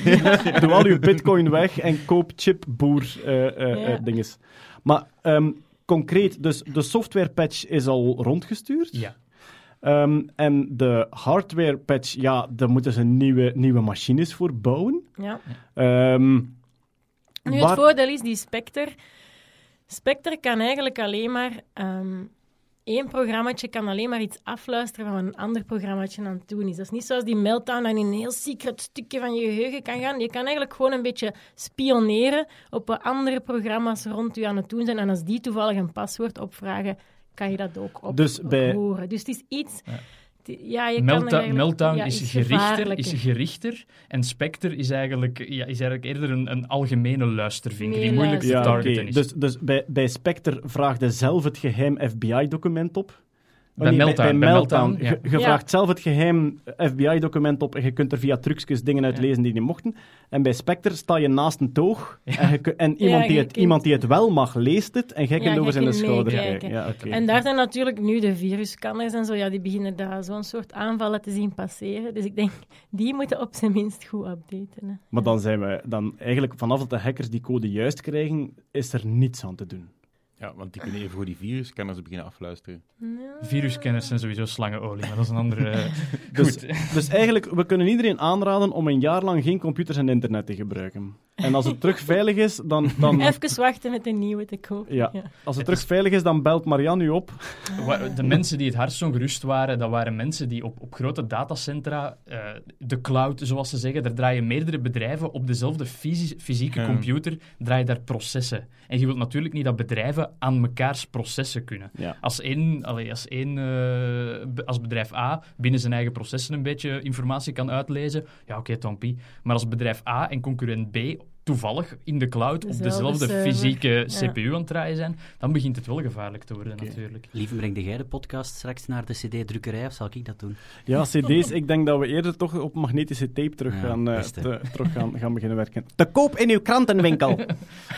Ehm, Op bijen was. Eh, op, op vinyl. Elke maand op vinyl. Eh, goed, eh, ja, het, het lijkt mij alsof dat er hier de komende maanden nog nieuws over gaat zijn. Dat dat een beetje gaat evolueren nog. Ja, al, al verwacht ik dat het nieuws de volgende maanden vooral gaat zijn van bedrijven die dat zeggen van oh ja, het is allemaal zo erg niet. En als die nieuwe chips klaar zijn, oh my, onze nieuwe, zoveel, beter, zoveel beter. Oh, allee, niet, niet alleen dat, hè, maar oh man, kijk, hij is rood. hij is rood nu. Zeg, en, Linus Torvalds had zich ook een beetje boos gemaakt. Ja, maar Linus Torvalds is altijd een beetje kwaad. Linus Torvalds heeft... De uitvinder van Linux. De uitvinder dus van ja. Linux die heeft een mailinglist en Linux wordt eh, collaboratief geschreven. Dus iedereen kan eraan meeschrijven. Maar Linus Torvalds is nog altijd de man die zegt van dat komt erin en dat komt er niet in. Eh, en, en mensen van, van Intel hadden gezegd van ah, hier is een fix voor het probleem. En Linus Torvalds had die code gelezen en hij zei van what the fuck is dit? Sorry, dit is rommel en dit komt er niet in. Denk eens goed na waar jullie de fuck mee bezig zijn. En dan sluit altijd af met groetjes, Linus. dat, is, dat, echt een beetje een, ja, dat is zo'n no-nonsense figuur. Ik denk dat dat zo nog eh, een, een, een beetje antiek uit de jaren negentig is. Zo die, die- straight ja, to the bullshit. Ook niet, niet verbonden aan een bedrijf, denk ik? Nee, Linus? nee, nee, Ja. hij is verbonden aan de Linux Foundation. Dus Ja. ja, zijn eigen bedrijf. Oké, dus hij moet, hij moet niet diplomatisch Nee. zijn. Of hij En moet geen je- marketing doen. En zijn antwoord is ook altijd van, kijk, als je er niet akkoord mee bent, het is open source, maakt u een eigen kernel. Hè. Noemt hem Intellix, Intellux, weet ik veel. Uit. Commercial. Ja, maakt niet uit. Ja. Voilà. mag misschien niet. Nu, het was toch via die updates die door Linus gepusht waren, dat het eigenlijk allemaal uitgekomen is, ja. hè? Dat er mensen lazen in de, in de code van Linux van er is hier van alles aan het veranderen dat met processors te maken heeft. Waarom zou dat zijn? Ah, oké. Ja, en dan reverse engineeren ze die patchjes. eh. En zo is het dan publiek geworden. Goed, eh, eh, chipnieuws, er komt er nog aan eh, in de toekomst, dus we houden, we houden het in de gaten. Maar dan is het nu tijd voor... Elon. Elon Musk nieuws. Het maandelijkse Musk-nieuws. Iedereen aan de microfoons, want dit is natuurlijk een zeer belangrijk onderwerp. Oh my god, oh my Ehm, god, oh my god. Eh, we, gaan, ja, we gaan beginnen met... Ja, eh, voor de luisteraars, het is nu 5 februari, hier waar Ja. wij zijn. Morgen is het 6 februari en dat is, Hopelijk. De, eerste, Launch. dat is de eerste geplande datum voor de Falcon Heavy launch. Dus als u dit hoort, bent u sowieso al voorbij 6 februari. Wij hangen nu in een wolk van mogelijkheden. Misschien zelfs een soort quantum superpositie van wat er allemaal kan gebeuren. En dat is... Hij kan uitgesteld worden, Ja. kans is zeer reëel. De raket kan gelanceerd worden en ontploffen. De raket kan gelanceerd worden en niet ontploffen. Dat is het zo ongeveer, denk ik. Hè? En dan kun je nog gokken waarom ontploft. Ja. Ja, want dat was, dat was jij van planeren om te gokken. Ja, ik, ik denk Maar natuurlijk als, minuten, als de grootste, grootste. Musk-scepticus denk ik van het slechtst denkbare scenario is dat dat ding ontploft en letterlijk op het moment van ontsteking dat de lanceerplatform kei beschadigd raakt en Musk moet afdruipen als de zielige hond die hij is. ja, sorry, het gaat, het gaat hard nu. Ehm, Maar dat is iets wat Musk zelf gezegd heeft. Hij zegt, hij, hij acht de kans groter dan 50% dat het mislukt. En hij zei, ik hoop dat hij ver genoeg van de grond is om geen schade aan de grond te veroorzaken. Dus er wordt rekening mee gehouden. Ja. Maar ondertussen heeft hij wel een raket en jij niet, hè, Jeroen Baart? ja, dat is En waar. een hele grote raket, hè. Ja, maar hij heeft, hij, heeft die, allee, ik bedoel, hij heeft gewoon drie van zijn andere raketten gebouwd en die aan elkaar geducttaped. Ja. Dat, is, dat is de Falcon Heavy Maar hij eigenlijk. heeft Dat En is- het zo, gedaan. en, zijn- zo, en zo heeft hij de grootste raket, ja. Ja. Dus wij hebben morgen een watchparty en je kunt Ja. daar dan ook Falcon Heavy pintjes bestellen. Als je gewoon drie Ja. pinten aan elkaar getaped. Ja, maar er zit wel een not in, dat is echt waar. Ja, dat is ik, waar. ik, ik wens mij nu al te verontschuldigen aan de luisteraars die naar de watchparty gekomen zijn voor mijn gedrag. Eh, Ook als je, als je een Falcon Heavy pintje bestelt, dan krijg je het maar vijf dagen later. Dat is, wel, ja, dat is dan wel... eh, Het kan ook En, ontploffen. en vallen, vallen elkaar zo. Mijn pintje nog is eh, kapot gegaan op het lanceerplatform. Kan ik een nieuw krijgen? alsjeblieft? Schade aan de toog. Maar dus, we wisten al dat hij zijn auto naar Mars wou schieten. Hè? En hij gaat het effectief Ja. doen, hè. ja. Het is, het is niet in een baan rond Mars, dat is een soort techniciteit. Hij, hij komt niet in een baan rond Mars, Mars, hij komt in een baan rond de zon, eh, in de buurt van de baan rond Mars. Dus het is, ja, het is, het is een soort eh, eh, Zijn, auto, zijn auto gaat wel de radio heel een tijd aan hebben staan. En Ja. Space Oddity van... van Bowie gaat constant spelen uit de radio van de Tesla Roadster. en ze hebben er een astronautpoppetje in gezet. Allee. Ze hebben aan het En- stuur van de auto zit er een poppetje in het eh, splinternieuwe ruimtepak van SpaceX. Dus ze hebben een eigen Ja. ruimtepak ontwikkeld en, En- ja. de astronautje heeft dat aan. nog, nog meer zelfs. Er hebben mensen ingezoomd op de foto van de man in het astronautenpak, de pop in het astronautenpak, in de auto, in de raket. En op het dashboard van de auto, waarin dus de pop zit in het, in het ding, daarop staat een kleine versie van de auto, met ook een klein poppetje in, in een klein pakje. Hebben ze daar ook op ingezoomd? Het is, ja, het is een soort... Rocketception. Een Ja, druste. Rocketception. Een druste, Ja. En, en nog, een, nog een, een kleine quote van Musk is van de Tesla gaat de ruimte in. Als je hem kunt pakken, is het een van u. Oké, ja. En Jeff Bezos denkt, damn you, Elon Musk. en die gaat ze met zijn, met zijn Blue Origin een mythische 100 kilometer hoog vliegen en ik ben hier ook. Ja. Naast die kerel die dat dacht dat de aarde plat was. Ik kom ook! ja, dat is waar, daar komen we straks. ja. Anders, anders doen we dat nu direct. Eh, Oh, sorry, Natta, ja. de, de, de man waar we het een tijdje terug over hadden, De, dus de de, Mad, Mad Mike Hughes. de Flat Earth Believer, die zichzelf wou omhoog laten schieten om, ehm, om, om te bewijzen dat de aarde plat was. Het is uitgesteld, want hij kreeg geen toestemming en nu gaat hij het toch doen, blijkbaar. Hij zou het moeten gedaan hebben. Oh. Maar het is weer niet door. Ah, is het echt? Altijd. Maar ja, hoe, hoe, hoe Maar- hoog, hoe hoog wil wij gaan eigenlijk? Een, een halve kilometer. Oh god, dat is, dat is lager dan het hoogste gebouw nog steeds. Ja. Maar... Maar Ja. heb, ik- heb ik het goed begrepen dat hij zich heeft laten funden door de Flat Earth Society? Ja, ja, absoluut, absoluut. En nu heeft hij daar een beetje ruzie mee, om god weet welke reden. Ja, die mensen beginnen nu zo in te zien van... Hmm, zou het een scam kunnen zijn? Waarschijnlijk wel. ja, Die omdat mensen, die mensen hebben trouwens een zeer goed oog voor scams. Ja, ja, ja, dus die beginnen zo na drie keer beginnen ze te denken van... dat is toch heerlijk dat de Flat Earth Society u beschuldigt van bedriegerij. Ja, dat is heel ironisch. Ja. Het is bedroginception. Is dat dan wiskundig gezien de waarheid? Ja, min mal min, ja nee, zover, zover gaan we niet gaan. Zover gaan we niet gaan. Maar Eh, ja. Imaginair. hij, had dus, hij had dus een nieuwe manier gevonden om zich naar boven te lanceren dan. Normaal gezien ging hij op een schansje doen. En nu ging hij gewoon verticaal naar boven gaan. Hoe, weet eigenlijk niemand hoe hij dat wil gaan doen. Maar ehm, het is dus vanwege technische reden, neem ik aan, niet doorgegaan. Hij heeft nog geen uitleg gegeven waarom het niet is doorgegaan. Maar ehm, hij ging dat normaal gezien live uitzenden op de pay-per-view channel. En dat ging u 5 dollar kosten per viewer om daar naar te kijken. En die mensen hadden dus allemaal betaald. En dan zo zwart beeld. No erg- clue. Het erge is dat ik die man nog altijd competenter acht dan Donald Trump. ja, op een manier. Maar dus hij ging zichzelf, want we hebben, het nu, we hebben het nu over rocket science, hij ging zichzelf lanceren van een schansje. Ja. Dus een halve kilometer. we kunnen dan even toch de, Ja. de, de ruimtevaartcompetentiegrafiek tekenen. Dan gaan we van Elon Musk naar Jeff Bezos naar, Naar Mad Mike. Schansje. Ja, oké. Goed, ehm, als hij toch nog nieuwe plannen heeft, Ja. Natta, hou Ja. het in de gaten, want we zijn heel benieuwd. Het is me Ja. geen 5 dollar waard, maar ik wil achteraf wel weten wat er gebeurd Maar misschien is. wel een nieuwe lounge party. Hè? Eh, Ja, inderdaad, stel u voor. Ja, een nieuwe launchparty voor, voor, voor Mad Mike. Eh, goed, Falcon Heavy, hij staat klaar. Wij hopen absoluut dat hij morgen of overmorgen is er al een tweede lanceervenster eh, gelanceerd geraakt. Ehm, als alles goed gaat, ja, overmorgen voor ons, hè, maar als alles goed gaat, eh, ja, de volgende stap is mensen rond de maan sturen. Hè. Dat is zijn plan van Musk om met diezelfde raket twee, twee hele rijke ruimtetoeristen niet op de maan te laten landen, maar een toerke daar rond te laten vliegen. En dat zou wel geweldig spectaculair zijn. Hij spreekt over dit jaar nog, maar ja, aan zijn uitstelgedrag te zien. En dat, kan, dat kan alleen met die Falcon Heavy die mensen lanceren. Ja. Het is niet dat dat met zo'n gewone Falcon-raket kan. Nee, wij hebben... Wij hebben... Die twee klanten zijn gewoon erg zwaarlijvig. Dat is, dat is ambetant om te zeggen. Of die willen ook in zo'n auto gaan zitten. Maar dat is toch, die Falcon Heavy, dat is toch een tussenstap naar... Het is nog niet de Big Fucking Nee, Rocket. Hè? ja. Dat, is, dat is de grote die naar Mars moet. Ja. Maar sinds, sinds de maanlanceringen hebben wij niets meer dan naar de maan kan denken. Of misschien technisch gezien wel, maar niets dat er, dat er volledig op voorzien is. Ja. Ja, dat was... Wacht, hè. Saturnus was dat, hè? Saturnus 5 raket was dat. Apollo, Apollo Apollo-programma? was een missie, ja. hè? Ja, Saturnus voilà. was Saturn- raket. Maar landen is nog altijd niet... Nee, dat is, dat is voor later.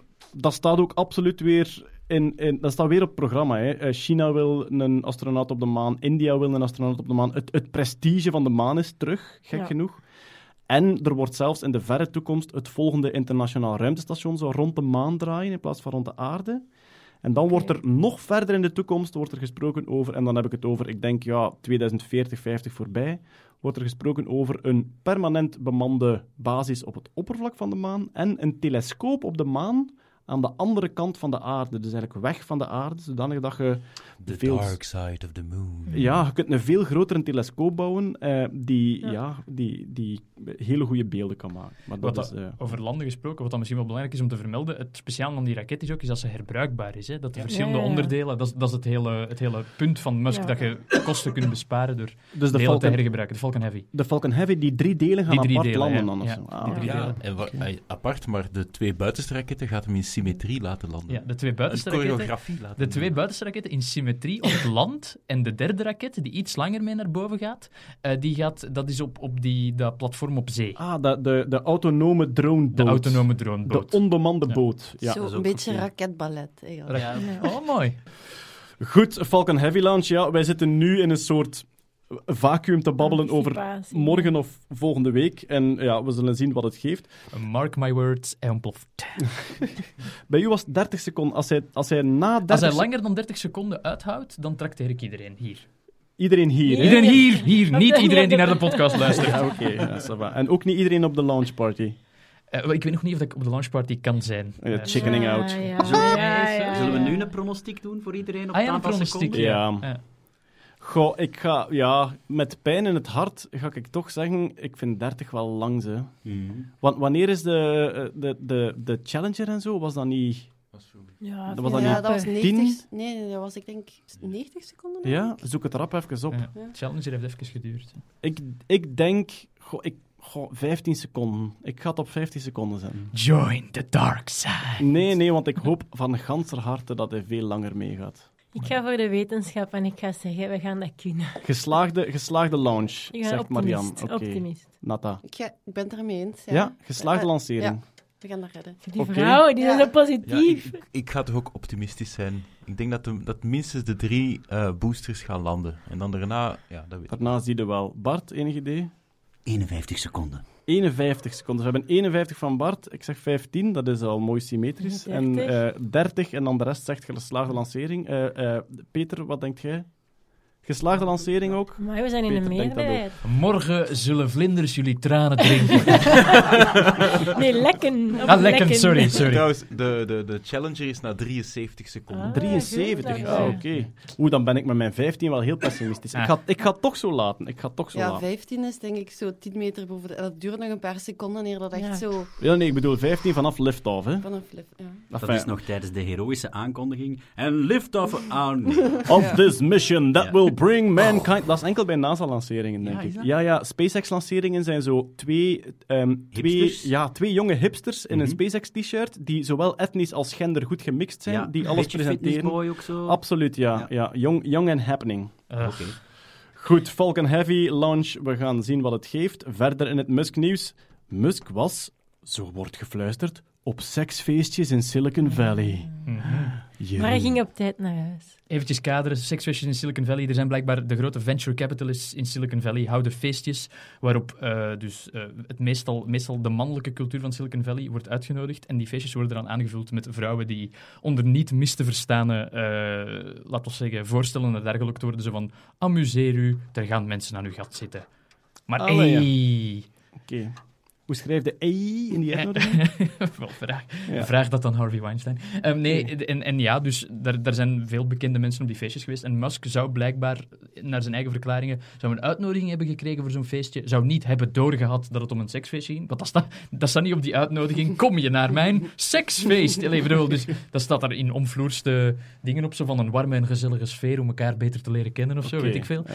Eh, en, en hij zou er naartoe geweest zijn, en, maar hij zou vertrokken zijn voor het echt tot eh rampentampen kwam. Ah ja, tot, tot er gevoeld, gevoeld Ja. en gevoeld Er waren blijkbaar verschillende kamers waar, het er iets, ehm, waar er veel kussens lagen en waar het er iets comfortabeler aan toe ging. En Musk zou op die feestjes eerder eh, met investeerders gepraat hebben aan de, de buitenkamers. Hij heeft zich in de staande kamers begeven. staande kamers Niet in de liggende foefelkamers. Klopt, klopt. Dus Oké. Wat een bizarre wereld, hè? wat een bizarre wereld, hè. Jongens. Ongelooflijk. Ik begeef me niet in die kringen. Hè. Ja, maar nee, nee, nee, ik weet hoe dat het eraan toe gaat op Ja. ESAT. Zeg, Jeroen en Marian, hoe gaat dat bij de, in academische kringen? Is dat ook zo niet van, kom hier je doctoraatsvoorstel doen, op dit warme kussen? En dan heeft Jeroen nog altijd zijn doctoraat. Nee, ik heb nog niet altijd niet af. Ik Jij heb- wil gewoon nog wat foefelen, denk ik. performantieproblemen. hè. Ja, ja, Jeroen wil gewoon nog wat foefelen. Goed, en dan ook eh, eh, leuk in het nieuws deze maand. Eh, Musk verkoopt vlammenwerpers. Was opeens op Twitter was hij jolig aan het doen met koop mijn vlammenwerpers van, ik denk, de Boring Company? Ja. De Boring Company. Van zijn, boor, zijn tunnelboorbedrijf. Zijn tunnel van het Is werk dat naar niet thuis. het gevolg van een of andere mislukte ruilhandel ergens of zo? ik geef u 26 buizen van de Hyperloop die dat ik nog... Wat heb jij? Ik heb nog wat vlammenwerpers liggen. Maar ik heb er eigenlijk niets van gezien, dus eh, ja, eh, talk me through it. Het waren er, denk ik, 20.000 Ja. die elk voor 500 dollar verkocht werden. En dat was volgens mij ook mega snel Ja, uitverkocht. het was, het was direct uitverkocht. Maar het waren echte fysieke Echt, vlammenwerpers. Ja, maar wel niet, ze konden niet zo heel ver vlammen niet, eh, Alien, vers- niet ja. Alien versus Predator, we zetten de halve nog- jungle in de fik. Het was meer zo onkruidverdelger, Ja. maar dan cool verpakt. Het waren Ah, eerder Een hele vlammen- grote allumeur. Het waren eerder vlammenleggers. Ja. Zo, zo. Van sputterers. Hoe ver kwam het vuurtje eruit? Een meterke. Ah, zo echt maar een, maar een halve meter of Ja. minder. Ja. Allee. Zo net goed om uw baard bij te trimmen.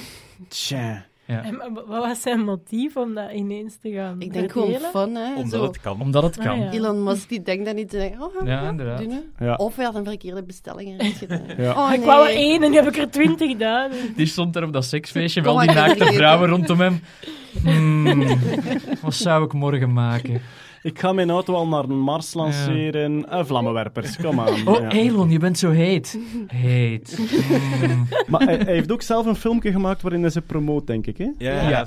En hij ziet er heel vrolijk uit in dat film. Ik ook maar echt super vrolijk. Echt? Ja, Zo, zo vrolijk dat zijn bovenlip nog verder van zijn boventanden wijkt? Zo Wat vrolijk de dat ik theorie het wel dat hem juist van dat feestje kwam. Ja, absoluut. Ja. Hij had waarschijnlijk een pikante sms gestuurd van moet je mijn vlammenwerper een keer zoeken? En dan had hij dat ingekleed als nee, maar dat is echt, dat is Dat echt een vlammenwerper. Eh, goed, daarmee eh, hebben we het Musk-nieuws wel gehad, denk ik. Hè. De raketlancering van de voorbije 40 jaar en dan seksfeestjes en vlammenwerpers. Ja. Dat vat het allemaal mooi samen. Alright, ik ga even kijken waar we zitten. Elon Musk is echt Bruce Wayne. Hè. Als er nu één iemand Batman is, dan is het Ja. Elon Musk toch wel. Ja.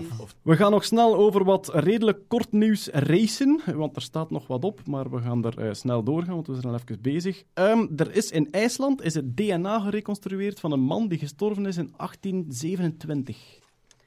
En dat is ja, dat- ik, ik vond dat zelf een geweldig verhaal. Dat gaat over een ehm, Afrikaanse slaaf die via Denemarken zijn vrijheid teruggewonnen had die verhuisd is naar IJsland en die daar dus kinderen gekregen heeft. En dus nu zoveel generaties later, omdat die man zijn DNA zodanig verschilt van dat oorspronkelijk IJslands DNA, enfin, dan de, de kleine stukjes die, die Ja. het verschil tussen mensen maken, ehm, hebben ze dat nu uit al zijn nakomelingen kunnen reconstrueren. Het is echt zo'n soort DNA-puzzeltje. Natuurlijk, het is een heel unieke situatie. Hè? Een, een, een waarschijnlijk West-Afrikaans van oorsprong kerel die in die tijd terechtkomt in IJsland. Maar dus ja, ik vond, ik vond het plezant om te lezen. En nog DNA-nieuws, daar, daar kun jij misschien ook meer over vertellen. De axolotl, dat is een soort van gek visje eh, dat in Peru leeft. Dat, die visjes, die ziet je regelmatig, die lijken altijd te glimlachen en die hebben zo twee handjes precies. De Ja. axolotl is Een zo soort een salamander, oer, hè? oervis, hè? Ja, een soort Oervis. salamander. Die kunnen hun eigen toch regenereren ook? zo? Ja, ja, poten, ja. Ja, die kunnen hun ruggengraat, als die ruggengraat gebroken wordt, kunnen die die hergenereren. En vandaar dat er Oh. wetenschappers super geïnteresseerd waren in dat DNA te ontrafelen. Ja. En dat is gelukt voor de eerste keer. Dat is een, een bedreigde diersoort en die, eh, ja, dat is gelukt. En, En dat is speciaal. Het is een heel lang genoom, geloof ik. Ja, het is, een- het is het langste genoom dat ooit ontrafeld is. Daarmee dat het in het nieuws kwam. Dus Nee. eh axolotl. Ik heb er nog een gezien, een axolotl. Het is daarmee, ik, ik kon er niet aan uit dat die bedreigd worden. Maar ze Daar net worden- op de bus. Nee, letterlijk in, in vissenwinkel Nemo in Leuven zat er een axolotl. Drie oei. weken geleden. Echt waar. Een Ja. bedreigde dier. 25 euro. Oké, er is nu een soort politie-inval bij die, Ja. eh, bij die Of zoiets dat er vrij hard op leek, sorry. Ja. Maar die hebben alles. Die hebben cavia's, die hebben axolotls. Wat ik Die- daaruit meeneem is vooral een, een, viswinkel die Nemo heet. Ik vind dat zo gruwelijk eigenlijk, niet? zo, Maar, maar die kan zich dus regenereren en die is toch bedreigd met uitsterven. Ja, Dat snap Eigenlijk de, de, de mythische versie van Superman is het. wel, maar het is Ja, vooral, is- het, is vooral het, het, het klimaat waarin die leeft en het gebied waarin die leeft dat bedreigd wordt door, door eh, oh, bossen, kappen, weet De ik mens. veel allemaal. De mens, ja. Zoals, zoals in elke Planet Earth aflevering. Ah, het zijn wij. Het is geen Wolverine-vis. Het is niet dat je die in twee kunt kappen en dat dat... Ik bedoel, maar de- de- hij heeft bepaalde regene- regeneratieve capaciteiten in zijn ruggenmerg. Nee, het is... Nee. Hij heeft geen capeje aan. Nee. We hebben nog, nog eh een ander life science eh, eh, nieuwtje, waarvan ik het ook heel jammer vind dat Hetty er niet bij is. Ehm, er, is een nieuwe, er is een nieuw geheugenmechanisme ontdekt, namelijk voor ons lange termijn geheugen. En wat blijkt, dat is een stuk DNA dat gigantisch lang geleden in de zoogdieren, of misschien daarvoor nog geplant is, door een retrovirus. Dus retrovirussen die zetten, u, die zetten zichzelf in uw DNA om zo zichzelf te laten kopiëren. Wat is er typisch aan een virus? Ja, een virus heeft zelf geen celmechanisme. Dus die kruipt uw cel binnen, die kruipt tussen uw DNA, zodanig dat uw cel dat virus uitleest. En die maakt eiwitten die een soort kokonneke vormen rond zijn eigen DNA of RNA. En dus die, die laat dan dat eiwitkokonneke verlaat die cel. En bijvoorbeeld bij een verkoudheid niest je dat uit. Dat, dat, dat eiwitpropje vliegt rond tot als dat bij iemand anders binnenkomt en in een nieuwe cel kan binnengaan om zich weer te laten kopiëren. Wat blijkt nu? Dat mechanisme wordt door een bepaald lange termijn geheugen gebruikt.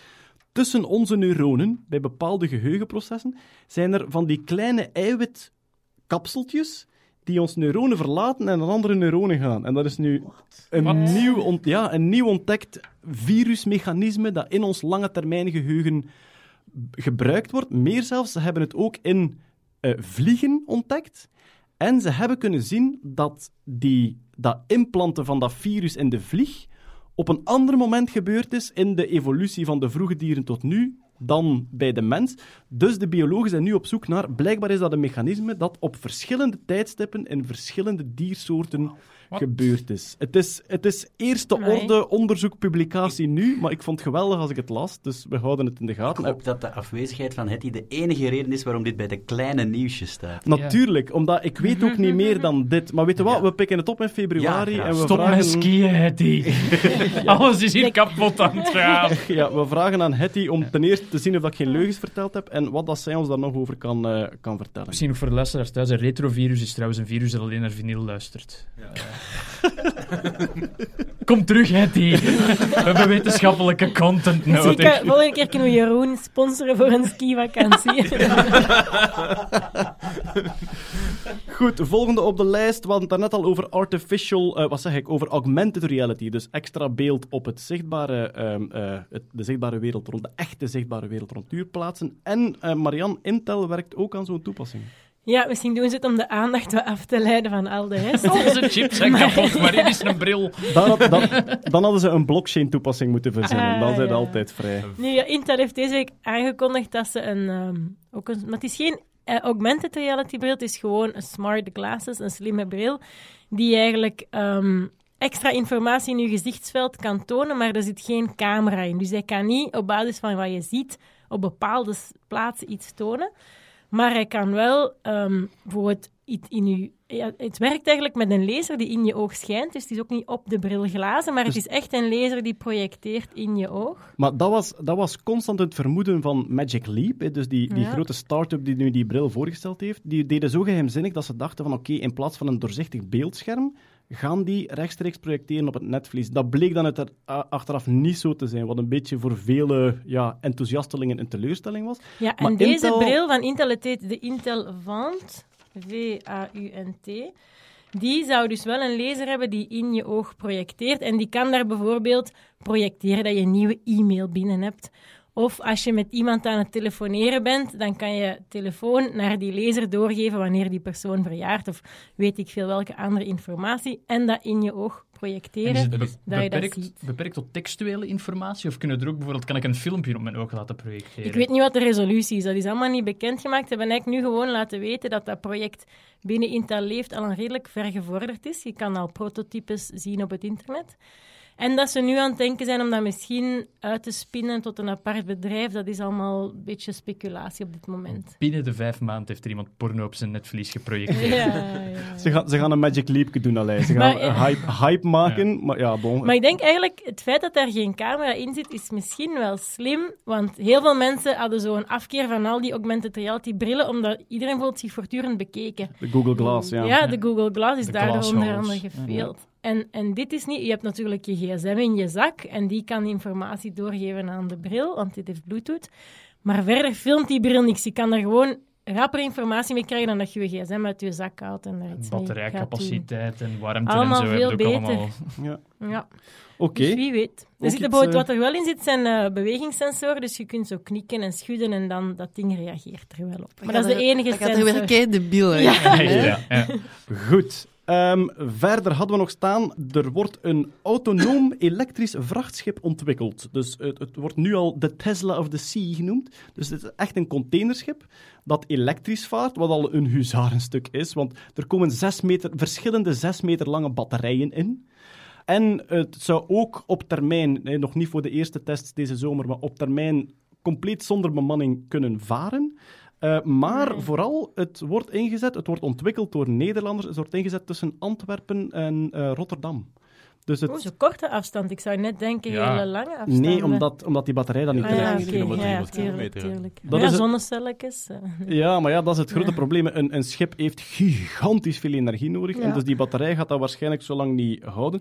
Ook wat dat betreft heb ik heel wat vermogen- en capaciteitsvraagstukken bij een elektrisch schip. Maar goed, eh, voordeel van de twijfel en prototyping eh, zolang of dat je kunt. Maar dus, het zou kunnen dat we vanaf deze zomer al zelfvarende elektrische schepen over de Schelde heen en weer zien varen naar Tof. Rotterdam. Dat is ook De- geweldig tegen piraterij. Hè? Al die Somalische piraten komen dan op uw dek en dan zo van, breng me de kapitein. Hè? We hebben uw batterij gegijzeld. Die doen hun laptop kunnen openen en zo pluggen in en dik, dik, dik. ja. Oh, dat is USB-C. Oh nee, hoe moet ik dat draaien? De ontwikkelaar heet eh, Porterline. Dus Por- Porterline. Porter-line. En die zijn dus bezig met het autonoom elektrische vrachtschip. Het zou wel dus inderdaad, je kunt de bedenking hebben, zeer korte afstanden, ook niet zo lange vaartijden. Maar ze zeggen dat ze met eh, dat schip, dat één schip, een paar duizend vrachtwagens van de baan houdt. Omdat er nu tussen ehm, Antwerpen en Ja. Rotterdam nog heel veel vrachtverkeer is. Dus dat zou, dat zou daar een gevolg van zijn. Maar goed, ja, vrachtwagens van de weg halen kun je ook met de vlammenwerper van Elon Musk, eh, natuurlijk. De Europese Unie bouwt aan zijn eigen supercomputer, Marian. Ja, we, we willen eigenlijk een inhaalbeweging doen. Supercomputers zijn computers die gigantisch veel berekeningen per seconde kunnen doen. Eh, in de wereld, degene die nu het allermeeste kan rekenen, is een computer in China. En die kan, dan moet ik goed denken, 100 petaflops doen. Wat dat wil zeggen, 100, eigenlijk een 1 met eh 17 nulletjes. Het gaat gigaterapeta. Ah ja, Ja. dus na de Tera de 100 Peta. petaflops zijn 100.000 eh, teraflops of 100 miljoen giga-operaties per seconde. En wat is een flop Een, een flop is een berekening, dus een, een optelling of een vermenigvuldiging per seconde dan? per seconde. Dus dat ding kan, kan 100 miljoen miljard, hè, 100 miljoen keer een miljard optellingen of vermenigvuldigingen doen per seconde. Oké. Dat is heel veel. Dus dat is het meeste van de wereld. Dat staat in China.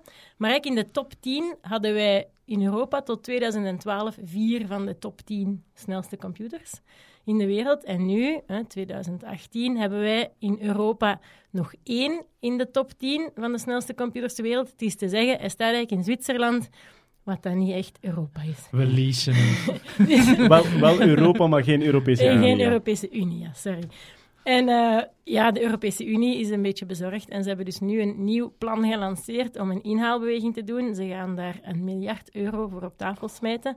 500 miljoen euro van de Europese Unie, 500 miljoen euro gaan de lidstaten bijleggen.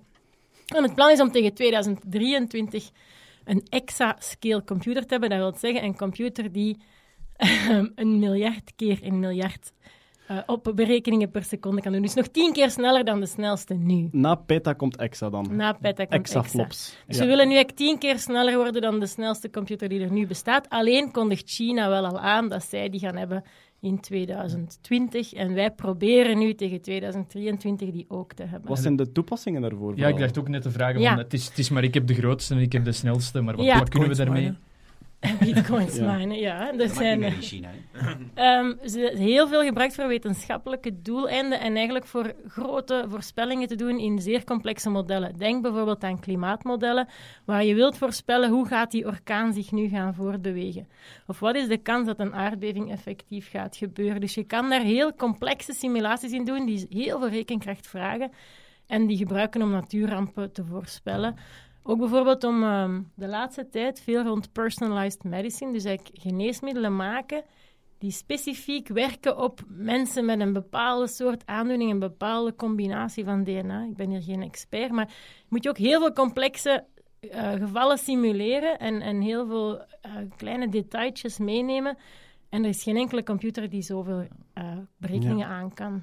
In Londen staat er ook een hele zware die vooral voor het weer gebruikt wordt. Hè. Zo, Ja, hebt- dus eigenlijk alles rond klimaat. Dat is zo'n beetje... Je kan daar niet gewoon op hoog niveau een beetje ongeveer simuleren. Er zijn zoveel details die meetellen dat je model al heel rap heel complex wordt. Plus je moet dat model meerdere keren simuleren, want Mm. soms divergeert het. Ja. Of soms, soms kan het door, door een kleine aanpassing te doen, dat je model totaal eh paraplu schiet. En dan, dan moet het opnieuw. En ook meer en meer bijvoorbeeld om vliegtuigen en, en, en, en auto's en zo te ontwerpen, wil je ook in allerhande omstandigheden kijken hoe dat die aerodynamica, of hoe dat eigenlijk alles in die, in die computer, eh, in dat toestel zich gedraagt. En ja, daar heb je veel rekenkracht Hoe groot is dat. Marian? Past dat in onze keuken? Dat is een voetbalveld ongeveer. Oké. Eén Ja, maar voetbalveld je kent, computer. je kent mijn Ja. keuken niet. Dus ik heb eens opgezocht hoeveel laptops... Wacht, hè, ik heb het ergens opgeschreven. Over een paar jaar, 50 miljoen laptops is evenveel Ja. rekenkracht als zo'n supercomputer. over een paar jaar zit hij aan zijn telefoon, jong. Dat gewoon in uw binnenzak. Ja, ik ben het, weer, lacht- het weer aan het simuleren van morgen, Frank. Maar je lacht ermee, maar dat wordt gigantisch snel veel kleiner. Ja, hè? Dus tuurlijk, dat, ja. is niet, dat is niet zo ondenkbaar. Een paar jaar niet, hè. En dan staan ze daar in China met hun voetbalveld.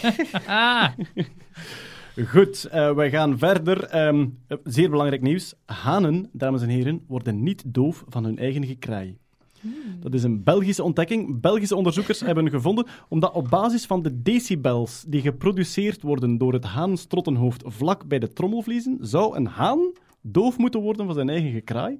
Wat blijkt, je hebt al gezien, als een haan kraait, dat hij zo zijn hals vooruit beweegt.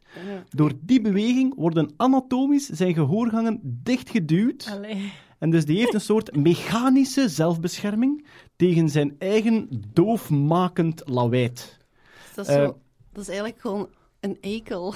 Die het voor andere mensen onleefbaar maakt en voor zichzelf gewoon zo zijn vingers in zijn ogen. Inderdaad, maar dus- hij niet, maar... Ik heb nu zo'n automatisch kippenhok, hè, dat dus als het donker wordt, gaat dat deurke dicht. En als het licht wordt, gaat dat deurke terug open. Maar die haan begint te kraaien voor het licht wordt. En die zit dan dus in een klein kotteke met drie hennen. Ach, arme. Dus denk ik, Ja, maar ja, die zijn doof. volgens dat onderzoek zijn die hennen nu doof. En ze luisteren ook niet als ik roep. Dus het en zou dat is, dat, is, dat mechanisch. Een gestreste haan kan dat niet vergeten. Om Ah, dat dicht te doen. Nee, het is, het is eigenlijk net als je, als je niest, gaan je ogen toe. Hè. Je kunt Mm. onmogelijk niezen. Ja. ja. Ah, wel, maar ik denk daar dat meer is dan reflex. Het is echt anatomisch. Als, als, die, die, als die hals vooruit beweegt, dat dat, dat vanzelf dichtgeduwd Dus wordt. als jij een haan beu bent, dan fixeert jij die zijn hoofd. Ja, je houdt zijn kop achteruit terwijl hij kraait. Dat is Of je geeft die zo'n dekverbandje. Zo. Ja. Ja, Maar dan zit je zelf ook doof als je geen bescherming aan hebt. Of je zet, of je zet er gewoon een tweede haan bij. Ah nee. Kan een, Of- haan, kan een haan de mens doof maken? Ja, maar, maar hij moet dan wel op een centimeter van je oor kraaien. Ja. Ja. als je die zijn kop aan het fixeren bent, Ja. pech. Maar wat je ook kunt doen, is een buisjes geven. Weet je nog? Oh. Weet je nog, als kindje buisjes en je mocht niet gaan zwemmen? Voilà. Oh, Geef Wij hem buisjes en hij is ook doen. man. Maar alles, eh, ik vond het een fantastische kop. Eh, eindelijk ontdekt waarom hanen niet doof worden door hun eigen lawaait. Ik heb hem onmiddellijk opgestuurd naar de eh, Ig Nobelprijscommissie. Ja. Dus wie weet kunnen we in oktober een nieuwe Belgische Ig Nobelprijs vieren. We zullen wel zien. Buikwerk. Verder, er is een nieuw hoogste priemgetal. Hoera! Het is 1 miljoen cijfers langer dan het vorige. Oh. En het begint met... Dus als je het uitschrijft, schrijf je echt een paar, ehm, eh, een paar encyclopedieboeken vol, denk ik. Eh, gewoon cijfers naar elkaar.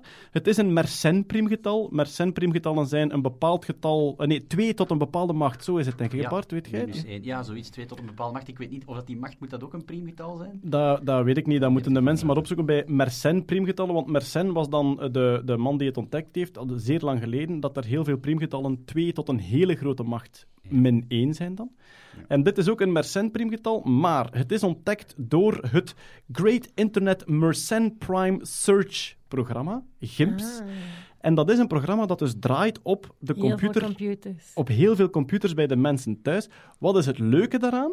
Dat dit priemgetal ontdekt is bij een bepaalde ingenieur, namelijk Jonathan Pace, een 51-jarige eh, electrical engineer in Tennessee, die dus kan zeggen, op mijn computer is Dit priemgetal ontdekt. Die krijgt daar 3000 dollar voor, maar dat vind ik wel tof. Dat dat gewoon Ja. één iemand thuis is in een debardeur met zo'n ingenieursbril die kan zeggen, hier op, op deze computer is het gebeurd. En de, pers loopt die zijn deur plat.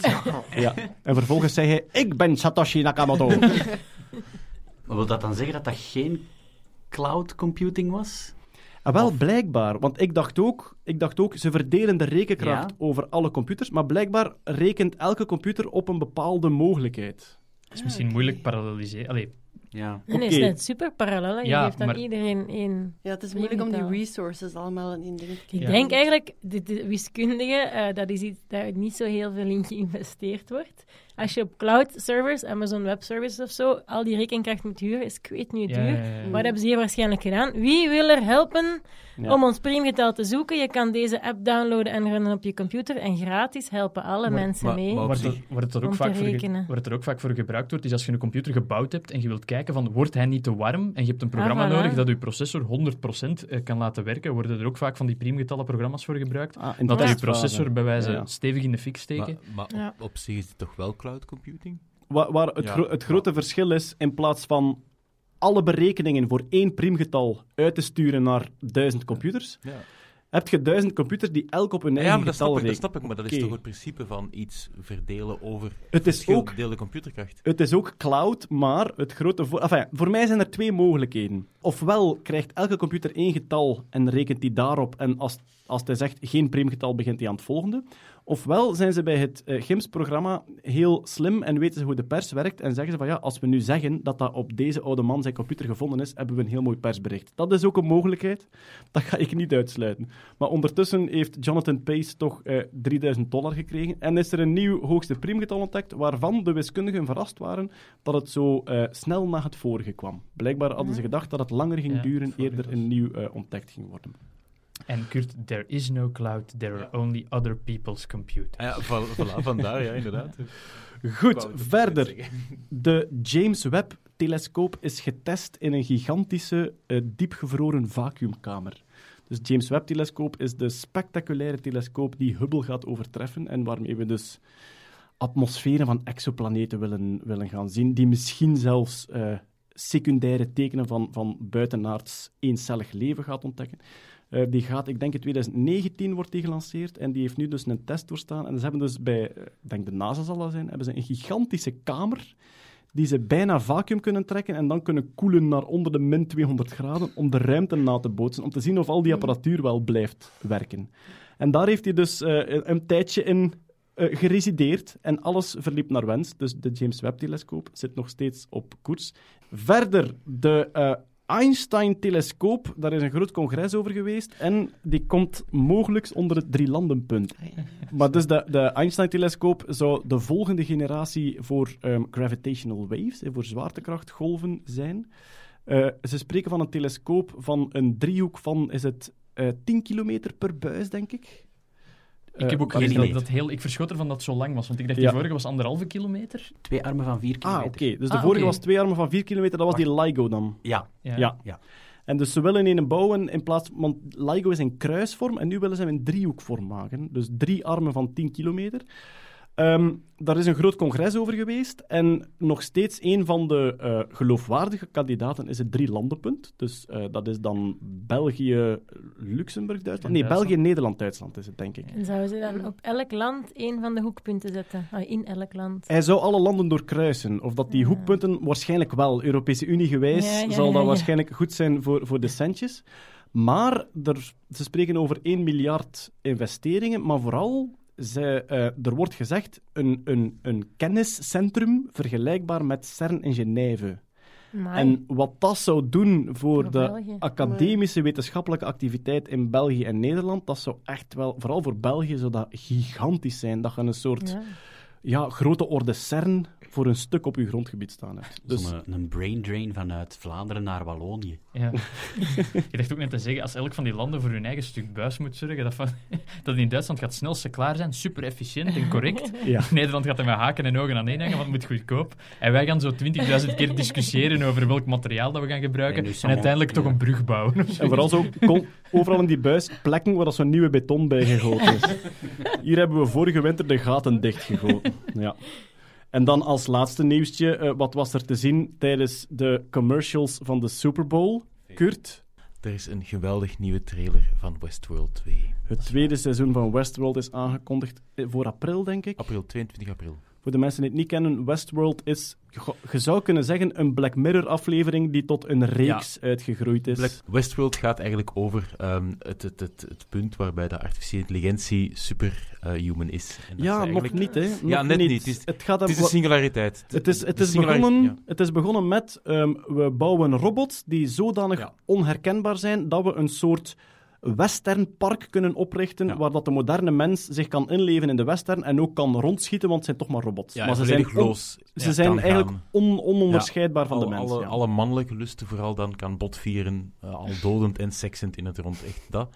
Ehm, totdat die robots... Maar ja, ja, nee, het is niet veel spoilers, want het is al. Alles blijft oké in het park, een heel seizoen Ja, lang. en er zijn ook geen dino's.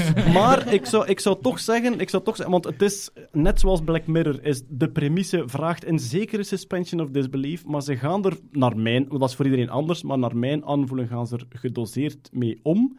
Ik vind het ook een hele mooie reeks, gewoon Ja, filmisch. het, is, het, is, het is cinematografisch zo schoon gemaakt en de soundtrack is echt is gewoon... En Anthony. Hopkins speelt mee. Ja. Dat is zo'n klasbak, die kan een uur kak eten en dan nog krijgt hij een Oscar. hij Ja, zit- dat is echt waar. Hij is Maar- heel goed getypecast hier. Ja. Ja, en dat klopt. eh, de, de dialogen of de filosofieën, dat erin, we hebben trouwens, denk de vorige podcast, toen het over eh, de singulariteit ging, eh, was er ook een van de quotes... Hebben jullie het er- over de singulariteit gehad zonder mij? Ja, eigen schuld. Ja, ik had me niet moeten gaan skiën. het is gewoon eigenlijk zo hetzelfde principe als wat je in Breaking Bad krijgt, namelijk de evolutie van iemand die slecht wordt en je kunt niet direct de vinger op de wond leggen van hier Ja. gebeurt. Ja. Dat krijg je daar in, het- in het proces waarbij dat je eigenlijk die artificiële intelligente robots het beginnen over te nemen. Tegen het einde van het eerste seizoen hebben ze het overgenomen. Sorry voor de spoilers. Ja, nog kijken. niet, hè. Nog niet. Jawel, jawel. De laatste scène. Ik zeg nog niet. Ehm, ja, dan moet ik Bijna. het toch tegen. Ze hebben het over. Allee, jongens, ja, Ze beginnen eraan. Maar 51 seconden. 72 en ontploft. Eh, maar je, je- ook, ook daar, ik vind het schone aan de spanningsboog dat er op die serie is, dat je niet echt met een vinger kunt zeggen, oké, op dit moment nemen ze het over. Je ziet zo'n hele mooie evolutie en je ziet dat het aan het mislopen is. Ah, je mislopen. Je ziet dat het aan het evolueren is.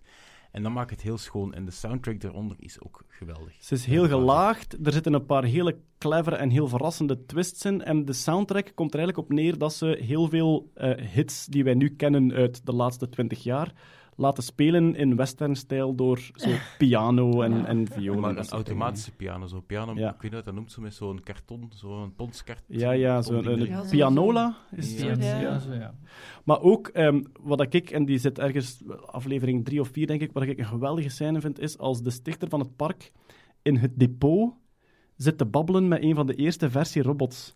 Ja. En die hapert zo'n beetje en die is zo net geloofwaardig, maar net niet. Dat vind ik een magnifieke scène. Ja, echt, eh, Swat, eh, wat we dus willen zeggen, ehm, doe jezelf een plezier en tegen april eh, smijt u in dat eerste seizoen. Dan kunt je helemaal mee uitkijken naar de komst Als van het tweede eh, seizoen mogen Westworld. het- ik denk dat op Telenet Play het enige is wat je Ja, in België legaal kunt zien. Je kunt hem niet downloaden, je kunt hem niet kopen, tenzij illegaal. Telenet Eh, Play, ja. Als je familie in Amerika hebt, kunnen ze hem via HBO Plus bekijken. Ja, HBO, Ja. HBO, maar HBO. En anders zoek een vriend met Telenet Play, dan kun je daar gaan kijken, hè, bijvoorbeeld. Ja, voilà. Zo kunnen we toch... Heb eh, jij Telenet. Play, lieve? Ik heb dat, ja. Daar heb ik Okidoki. gezien. Oké, ja. Na de launchparty gaan we binge-watchen bij mij thuis. Goed, eh, het was een lange bevalling. Ik dank iedereen die tot hier geluisterd heeft. En ik dank natuurlijk iedereen hier rond mij aan de tafel. Jeroen Baert, Yay. Marian Verhelst. Natta Kerkhoffs, Doedels. Peter Berks, Kurt Beheid en Bart van Peer. Wij zien u heel graag volgende keer terug. Merci. Dag. Dag.